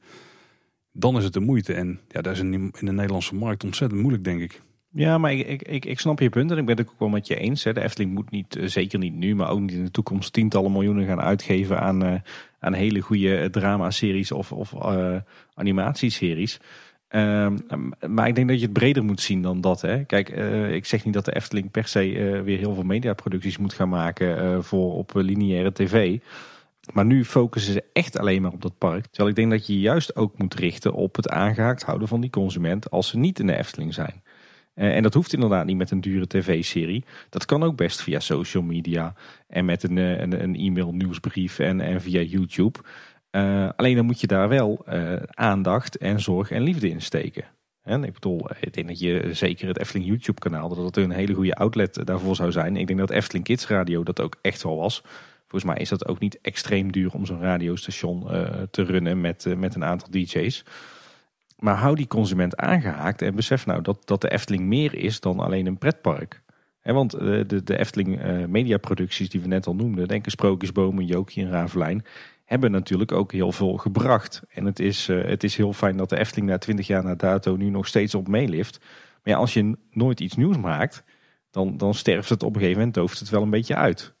En je ziet dat, dat zeker een Jokie en een Sprookjesboom zijn, zijn echt... Uh, ja, hoe moet ik dat zeggen? Echt twee merken die enorm goed staan en, en die er echt voor zorgen dat de Efteling ook eh, in heel Nederland en, en daarbuiten leeft. In, in, in het normale leven van de mensen. Dus op de momenten dat ze, dat ze niet in de Efteling zijn. Ik, bedoel, ik denk dat, dat Jokie en Jette en Sprookjesboom in heel veel huishoudens met kinderen uh, toch best een belangrijke rol spelen met, met de filmpjes en de boeken en de merchandise. Ja, en, en als je dat laat uitdoven en, en er komt nooit iets nieuws meer, ja, dan ben je op een gegeven moment alleen nog maar dat, dat attractiepark in Kaatsheuvel. En niet dat merk wat, wat in het dagelijks leven van mensen een rol speelt. Ik moet zeggen dat er ook wel een paar eye-openers waren, wat Buren net noemde, dat die series succesvol waren. Want zo heb ik ze zelf nooit echt ervaren. Misschien omdat ik ook niet op dat moment in de doelgroep zat of zo. Dus dan krijg je die bus niet mee die er omheen hangt. Ik denk dat, we ook wel een licht vertekend beeld krijgen zelf. Omdat wij natuurlijk wel helemaal in die wereld zitten van Jokie en Jet en we wonen in de buurt. Jordan wel iets verder weg. Uh, maar ik weet niet hoe jij dat bijvoorbeeld ervaart. Want natuurlijk bij ons in de omgeving, iedereen zit, is met Joking Jet bezig. Want bijna iedereen heeft een Efteling abonnement en komt gewoon regelmatig in het park. En ik weet niet wat hier het kip of het ei is in dit geval. Of überhaupt welke dan eerder was. Maar dat terzijde. Ik, ik weet niet hoe dat in de rest van het land is of in andere landen. Ik weet niet of ieder huishouden of, of één op de drie huishoudens in... Uh, want ik denk dat dat wel het gemiddelde is hier waar een Jokie pop thuis ligt. In de omgeving. Maar ik weet niet of dat in België ook zo is bijvoorbeeld. Of in Vlaanderen op zijn minst ik denk best op veel plekken, misschien minder inderdaad dan, dan echt in Brabant. Maar ik, ik zou bijna in het verlengde van wat Tim zegt, bijna om willen draaien het, het betoog van Von Jurgens. Dat je volgens mij niet wil dat die mediaactiviteiten per se het parkbezoek stimuleren, maar dat je ook veel meer vanuit het park de exposure om dat park kunt vergroten door middel van, van media. Dus ik vind de Ravelijn, zoals wij daar ook in deze aflevering over spraken, nog het beste voorbeeld. dus wat daar slim aan is, is dat je aan de ene kant een nieuwe attractie lanceert, maar daar veel meer omheen doet. Omdat het een boek is, een televisieserie is. En dat versterkt elkaar allemaal. En ik denk dat als dat goed gekozen merken zijn, of goed gemaakte producties, dat dat altijd uh, een, een, veel grotere impact heeft dan alleen het park bezoeken of, of een theatershow in een park bekijken of een attractie bezoeken in, in het park. Dus mijn, mijn hoop is wel dat dat zeker ook bij uh, nieuwe uh, attracties die we hopelijk toch echt de komende jaren uh, uh, gaan verwachten, dat daar toch ingestoken wordt op zo'n crossmediale aanpak. Dus dat daar ook altijd het attractieverhaal, dat, dat, we hebben natuurlijk daar bij Baron ook, ook wel weer een korte film over gehad, maar waarom geen serie? Waarom niet, niet meer activiteiten? Dus ik denk, ja, je wil mediaactiviteiten om het parkbezoek te stimuleren. Maar andersom kun je vanuit het park en de initiatieven die daar plaatsvinden, kun je er niet voor zorgen dat de beleving van dat merk nog zoveel groter wordt. Zodat mensen ook daaromheen uh, dat merk weer gaan waarderen. Maar misschien ook veel meer toch ook in, die, in, in, in, in de webshop, het pakhuis. Laat het nou bestaan en laat ook daar de merchandise ook, ook, bij de mensen thuis uh, komen. Dus dat, dat kan denk ik gewoon nog, nog slimmer. Om die wereld vanuit de Efteling nog veel meer in het dagelijks leven te laten bestaan. Daar ben ik wel van overtuigd. Ja, ja ik denk dat het hoofddoel moet zijn, hè, even, even naast uh, wat jij net schetst, Bjorn, het eigenlijk het, het promoten of het, het veel groter maken van nieuwe attracties. Ik denk dat het hoofddoel moet zijn om de Efteling ook bij de mensen thuis te krijgen op het moment dat ze niet in Efteling zijn. Of dat dan met een radiostation is of met, met social media of een blog of een, uh, een actief YouTube account. Maar zorg nou dat de Efteling er niet alleen is als je het park bezoekt. Ja, dat YouTube account is natuurlijk vrij actief. Kijk, het is het afgelopen jaar ingekakt vanwege een uh, bepaalde crisis waar we mee te kampen hebben. Maar daarvoor was het een vrij actief YouTube kanaal wat, nou, wat misschien dan iets meer richting de mensen ging, ging die toch al kwamen. Dus eh, de fans, eh, de magische klok. En wat minder die programma's zoals die met Bent en Nana, die denk ik iets meer eh, universal appeal hadden, om het zo maar te noemen. Maar natuurlijk een enorm risico zit, is wel in het heel groot maken van bepaalde attracties of zo. Hè. Dat, is echt, er zit echt wel een groot risico aan. Kijk, op het moment dat het goed gaat, dan is het geweldig. Hè? Je hebt uh, Jokie en Jet en de Sprookjesboom. Nou, er zijn twee perfecte voorbeelden daarvan. Maar als je kijkt naar alle pogingen die al ondernomen zijn door de jaren en die niks zijn geworden. De Tita Tovenaar, ik moet zeggen, Ravelijn is bij een heel beperkt publiek heel populair. Uh, maar het grootste punt wat daar het allerbelangrijkste zou moeten zijn, dat is een beetje plat op zijn gezicht gevallen. En dan heb ik het over de show zelf. Uh, hoewel, die heeft natuurlijk ook zijn fans, maar daar is van alles ook wel mis mee, denk ik. Er zijn er een paar die dan echt uitspringen, maar ook heel veel die gewoon fout zijn gegaan. Lummels is ook een goed voorbeeld daarvan trouwens. En dat is altijd het risico wat eraan kleeft. Als je heel veel geld gaat investeren om te proberen om iets heel groot te maken. Maar ergens mist het, want het is toch wel dat stukje ongrijpbare, weet je wel. Wat, wat, heel moeilijk in te schatten is als je niet al 40 jaar ervaring hebt in die business. Dan is het gewoon weggegooid geld. En dat is toch ook zonde. Ik denk dat dat misschien daar ook een beetje de conservatieve fonds is. Of het conservatieve fonds die dat nou voorkomt. Want als het goed wordt uitgevoerd, dan ben ik er uiteraard helemaal 100% voor. Het risico dat het ergens fout gaat, is denk ik wel. Eh, ik denk dat de kans dat je een hit hebt, is gewoon echt maar een kans van 1 op 5, denk ik. En dat is misschien te weinig. Variant die daarbij nog wel verkend zou kunnen worden, en dat is, dat is tot nu toe minimaal gedaan, is dat je het natuurlijk niet per definitie altijd zelf hoeft te doen. Hè? Dus je kunt natuurlijk ook uh, slim samenwerken met andere producenten die er ook op zoek zijn naar, naar een mooi decor. Hè? Uiteindelijk is Sprookjes de eerste productie tot stand gekomen, omdat er ook een behoefte was om iets met die thematiek te doen. Dan snijdt het mes aan, aan twee kanten. Dus uh, Um, je zou kunnen zeggen dat de, de, de, expeditie van de familie Vos was een soort van poging. Ook van onafhankelijke producent die in dat decor van de Efteling iets wilde doen. Nou ja, daarvan moeten we zeggen dat het misschien niet helemaal uitgepakt uh, is zoals we zouden willen. Maar als je dat um, met andere partijen zou kunnen doen die, die uh, content maken, die gebruik willen maken van, van de, de, de kracht van de Efteling. Uh, en, en, en de sterkte van het merk, zonder daar hele commerciële dingen dan in te gaan uh, stoppen, dan is dat misschien ook een veilige manier. Dus, dus zoek misschien ook samenwerkingen op waarin dat heel goed uh, past. Dat vind ik interessant. Dat is best nog onontgonnen gebied ook voor de Efteling. Maar ja, denk, denk bijvoorbeeld ook aan de vele programma's momenteel op zowel de commerciële als, als publieke televisie over dierentuinen. Waar je toch een, een behoorlijk fors kijkje achter de schermen krijgt bij de dierentuinen. Uh, en de, officieel mogen daar dan niet, mag er dan niet al te veel reclame in zitten. Maar eigenlijk is het natuurlijk van A tot Z één grote reclamespot voor die betreffende dierentuin. Uh, tegelijkertijd is het wel heel interessant voor, voor de gewone consument. Als Efteling kan je natuurlijk ook voor dat soort uh, producties openstellen. Ja, ik denk, jullie hebben het eerder ook gehad over de Imagineering Story hè, van Disney. Uh, zou dat geen Efteling variant uh, mo moeten krijgen? Ik, ik, ik weet zeker dat als dat ook gewoon voor een reguliere zender gemaakt zou uh, worden, of, of voor een, een, een, digitale aanbieder, dat dat echt veel interesse wekt. Ik denk dat toch pretparken zo tot de verbeelding spreken, dat ook een blik achter de schermen of meer te weten komen over die wereld erachter, dat dat echt een groot succes zou zijn. Dus in de lijn met inderdaad die blik achter de schermen de dierentuin, Tim. Ik, ik denk dat dat niet alleen voor fans interessant is, maar dat het voor een hele grote groep mensen super interessant is om dat te zien. Ik sta er niet helemaal neutraal in, maar daar ben ik het absoluut mee eens. Ja, maken die op. Ja, en ik denk, ik denk dat je de Efteling op die manier natuurlijk perfect bij de mensen thuis in de huiskamer krijgt. Hè? Zelfs bij de mensen die nog niet eens ieder jaar naar de Efteling gaan. En dan hebben we ook nog zo'n initiatief wat Europa Park heeft. Want je moet natuurlijk je content bij de mensen krijgen. En dat kan via een YouTube kanaal, dat kan via tv-zenders. Of misschien via een bioscoopfilm. Maar wat Europa Park nou dus gaat doen, is dat ze gewoon direct geld voor hun content willen krijgen. Dus dat denken we, door een betaalde streamingdienst. De details zijn nog een beetje wazig op dit moment van opname. Maar er is wel wat uh, sprake van dat Europa Park, of in ieder geval de, de Mac, het Mac Imperium, dat die een uh, streamingdienst gaan beginnen. Zou dat nog wel zijn voor de Efteling? Nou ja, kijk, ze hebben natuurlijk echt Mac Media... Uh uh, misschien vergelijkbaar wat Efteling Media ooit, hè, hoe, hoe, dat ooit begon. Dat is natuurlijk wel groot. Uh, aan de andere kant, als je kijkt de content die, die ze maken, een heel kanaal. Uh, dat, dat lijkt me ook best ambitieus om, om daar ook genoeg nou ja, betalende abonnees bijvoorbeeld voor, voor te krijgen. Dus ik ben echt benieuwd Ja. of, of die, die library van, met, met, met de content of, of die groot genoeg is.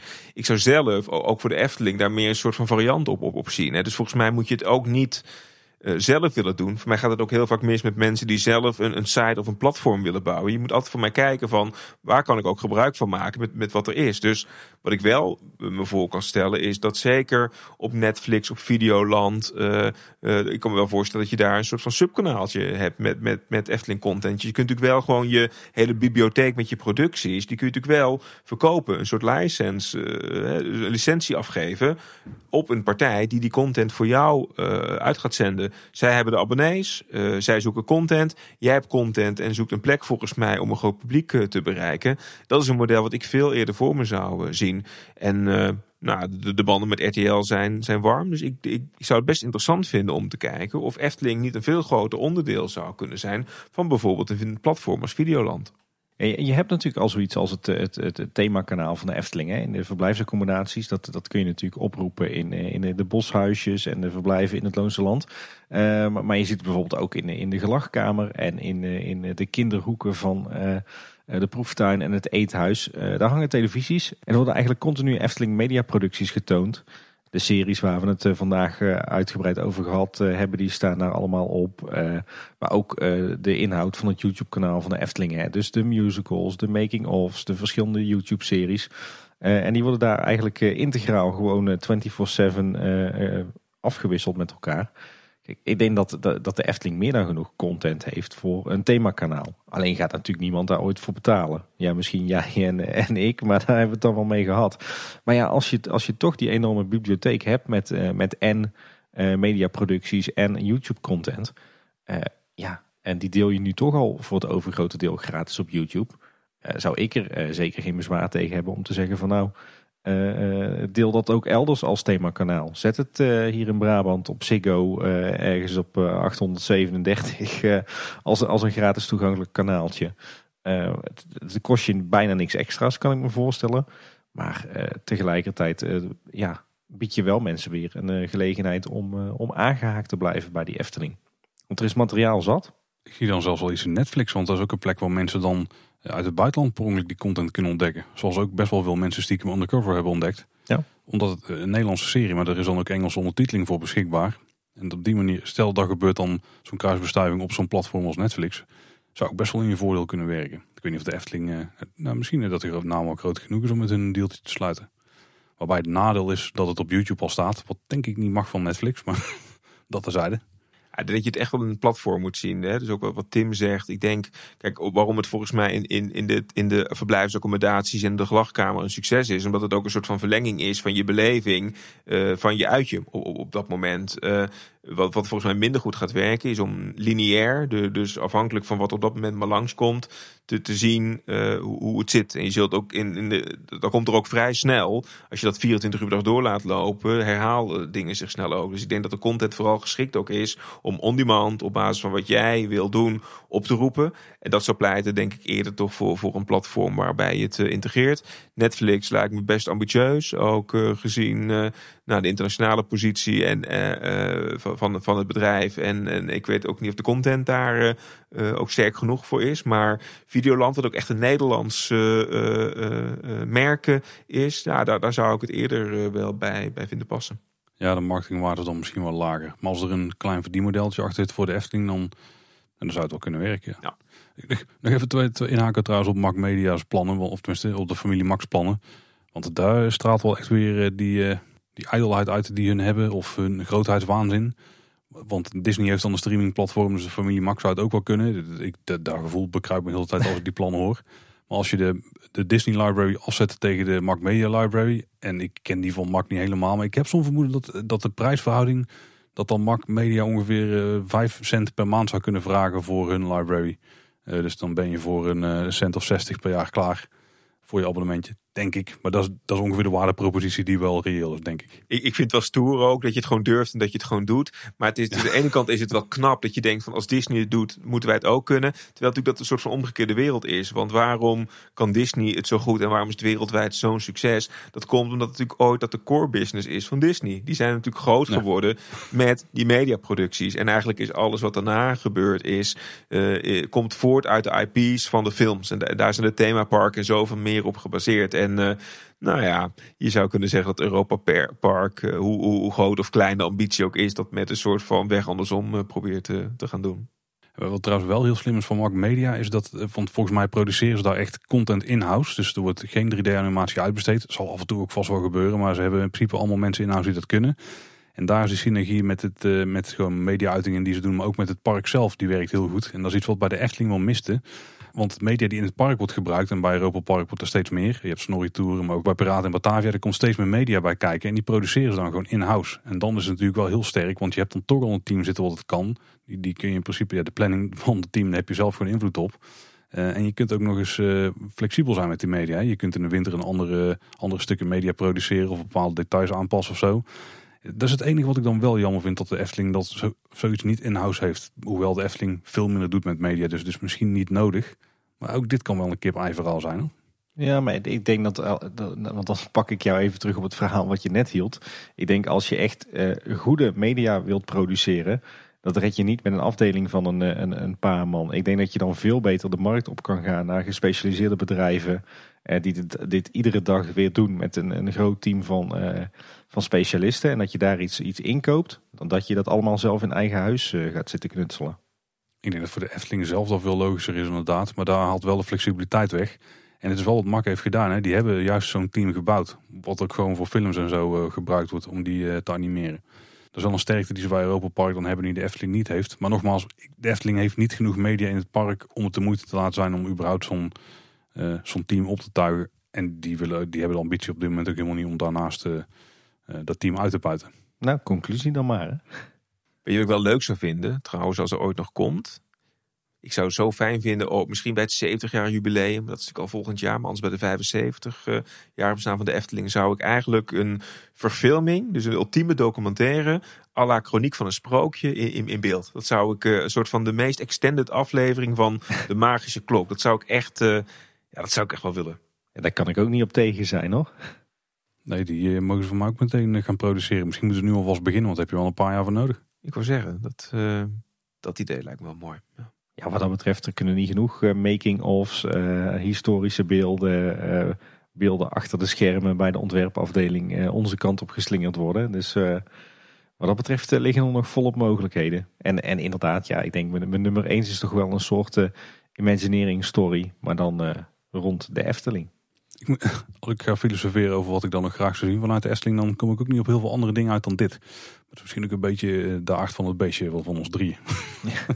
Een, een, tweede seizoen van Efteling Fonds, fans. Ja, absoluut. Die is ook beloofd, maar die hebben we nog steeds niet gezien. Mag er voor mij echt nog komen. Ik, uh, mooie serie. Ja.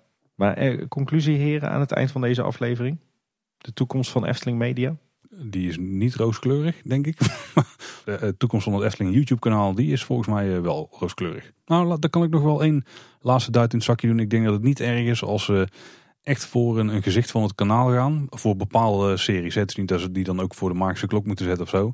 Eh, maar voor bepaalde series die gewoon echt, echt het gezicht van het kanaal is en van de Efteling zelf is. En die je ook niet dus gaat zien in de badkamer commercial. Die je ook nog wel eens op zaterdagochtend ziet langskomen zo. Ja, helemaal eens. En volgens mij is dat ook best goedkoop te doen. Geef je daar echt weer een nieuwe invulling ook, uh, ook mee. En, en hou je ook gewoon dat YouTube kanaal heel sterk.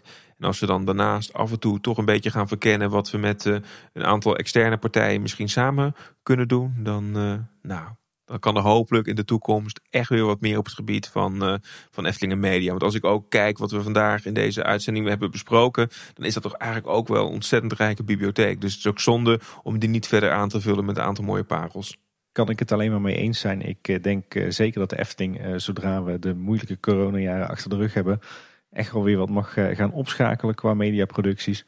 Uh, sowieso op YouTube, maar wellicht inderdaad ook weer, weer echt wat ouderwetse mediaproducties, weer wat IP ontwikkelen. En dan vooral om de Efteling meer te laten zijn dan het alleen dat attractiepark. Want het is ook gewoon een heel mooi product en een, een heel mooi merk. En dat moet je ook bij de mensen thuis krijgen als ze niet op bezoek zijn hier in Kaatsheuvel. Maar alles natuurlijk wel op een, op een verantwoorde, financieel verantwoorde, rustige manier. Dus rustig gaan opstarten. En we hebben denk ik het afgelopen kwartiertje al best wel een aardig aantal ideetjes bedacht uh, waar je zonder al te veel kosten te maken toch, toch best wel wat stapjes qua media kan zetten. Dan hebben we nog één, één soort van topdroom. En daar staat echt de haaks op alles wat ik net heb verteld in mijn pleidooi. Maar dat lijkt me echt het, het, ultieme voor de Efteling. En ik zie dit never nooit niet in de praktijk gebeuren. Maar als ze dat ooit voor elkaar gebokst krijgen, dan, dan neem ik alle petjes die ik heb voor ze af. Dat er gewoon een filmtrilogie komt, geproduceerd door de Efteling, gebaseerd op verhaal of misschien wel de wereld rondom de Efteling. Of laat het desnoods gewoon alleen maar Pardoes zijn, maar echt gewoon super goede kwaliteit met goede commerciële waarde die zelfs zo goed is dat hij het ook in het buitenland goed gaat doen. Dat zou uh, toch wel echt, de, dat zou mijn ultieme wens zijn voor de Efteling, die ik niet per se gerealiseerd hoef zien te worden. Maar als ze dat voor elkaar gebokst krijgen ooit, al is het over 50 jaar, petje af Efteling. Of een hele vette Netflix-serie die zich afspeelt in de Efteling. Een beetje fantasy, science fiction-achtig, spanning, horror. Wie zal het zeggen? Ik ben voor. Ja, doe ik het ook voor. Goed idee. De nieuwe Netflix-sensatie uit de Efteling. Het zou toch wel bizar zijn. maar betere reclame kun je niet krijgen, denk ik. Waarom niet? We, we roepen altijd hè, dat de Efteling een perfect canvas is voor uh, hele mooie tv-producties. Dus uh, ik zie het wel gebeuren. Ik ook. Goed idee. Nou, dan moeten we er toch een punt achter zetten. Het is weer een, een topstukje qua lengte geworden, denk ik, in de kleine boodschap uh, Epos reeks. Toch weer een hoop opgestoken. Ook weer een hoop herinneringen kunnen ophalen, denk ik. En uh, luisteraars, vergeet niet, er staat echt een hele rits aan show notes voor je klaar. Ook met linkjes van bijvoorbeeld die playlist van Maxime de Donner, die we in het begin noemden. Uh, dus ook die kun je nog allemaal checken. Dus als je uren, misschien soms dagen wil verliezen in Efteling content, nou dan kun je je, je borst nat maken als je de show notes gaat kijken. Maar voordat we gaan afsluiten, Bjorn, ik wil jou nog even het podium geven. Eh, je maakt een hele toffe podcast. Eh, je mag hem nogmaals noemen. Waar kunnen mensen jou vinden online? Nou, eh, daar bleef je voor thuis, is de podcast. En die is te vinden in alle reguliere podcast apps. Dus als je een blik wil hebben op televisienostalgie, dan zeker luisteren. En iedere vrijdagavond om half zeven op NPO Radio 5 bij Omroep Max, dan hoor je alle actuele film- en televisietips van me. Leuk joh. Kijk, ik ga die podcast zeker luisteren. De afleveringen zijn een stukje korter dan een kleine boodschap. Een kwartier tot twintig minuten gemiddeld, denk ik. Het is echt, echt nostalgie. Als je in de jaren tachtig eh, bent geboren, maakt niet uit in welk deel van de jaren tachtig, dan zit hier heel veel herkenbaar in. Heel veel guilty pleasures ook. Nou, dat was op dat moment waren daar gewoon, eh, was daar gewoon top entertainment, toch? Geen guilty pleasure. Daar keek iedereen naar. Daar klopt helemaal, ja. Nou, het bekende verhaal is natuurlijk ook, heb je nog toevoegingen? Wil je nog iets laten weten? Of heb jij een, een hele bepaalde warme herinnering waar een van de media-uitingen die wij hebben besproken, dan kun je die naar ons toesturen. Dat kan bijvoorbeeld via social media. Op eh, Twitter zijn we @kboodschap. En op Instagram en Facebook zijn we Kleine Boodschap. We hebben natuurlijk een website, die show notes waar we het continu over hebben, die vind je daar. Van iedere aflevering hebben we een lijstje met relevante links. Dan kun je de aflevering zelf ook luisteren. Maar er zit ook een contactformuliertje op. Dat is kleineboodschap.com. En ook mailen kan naar info.kleineboodschap.com. Mocht je wel meer kwijt willen of een voiceclipje willen opsturen. Ja, en verder luister je ons in Spotify, in alle podcast apps en natuurlijk op de website. Uh, abonneer je ook zeker op ons als je ons luistert in een podcast app. En luister je ons nou in Apple Podcast. Geef ons dan ook een, eh, een rating en een review. Want dat eh, vinden we altijd hartstikke leuk. Zeker. Nou Bjorn, nogmaals bedankt voor het delen van jouw kennis. En uh, zo, je mag ook al gezegd horen, voor het voorbereiden van deze afleveringen. Dank jullie wel, leuk om te doen en om met jullie terug te blikken op al die mooie Efteling Media producties. Zeker. Dat was in ieder geval weer voor deze week. Bedankt voor het luisteren. Tot de volgende keer en houdoe. Houdoe waar. Houdoe.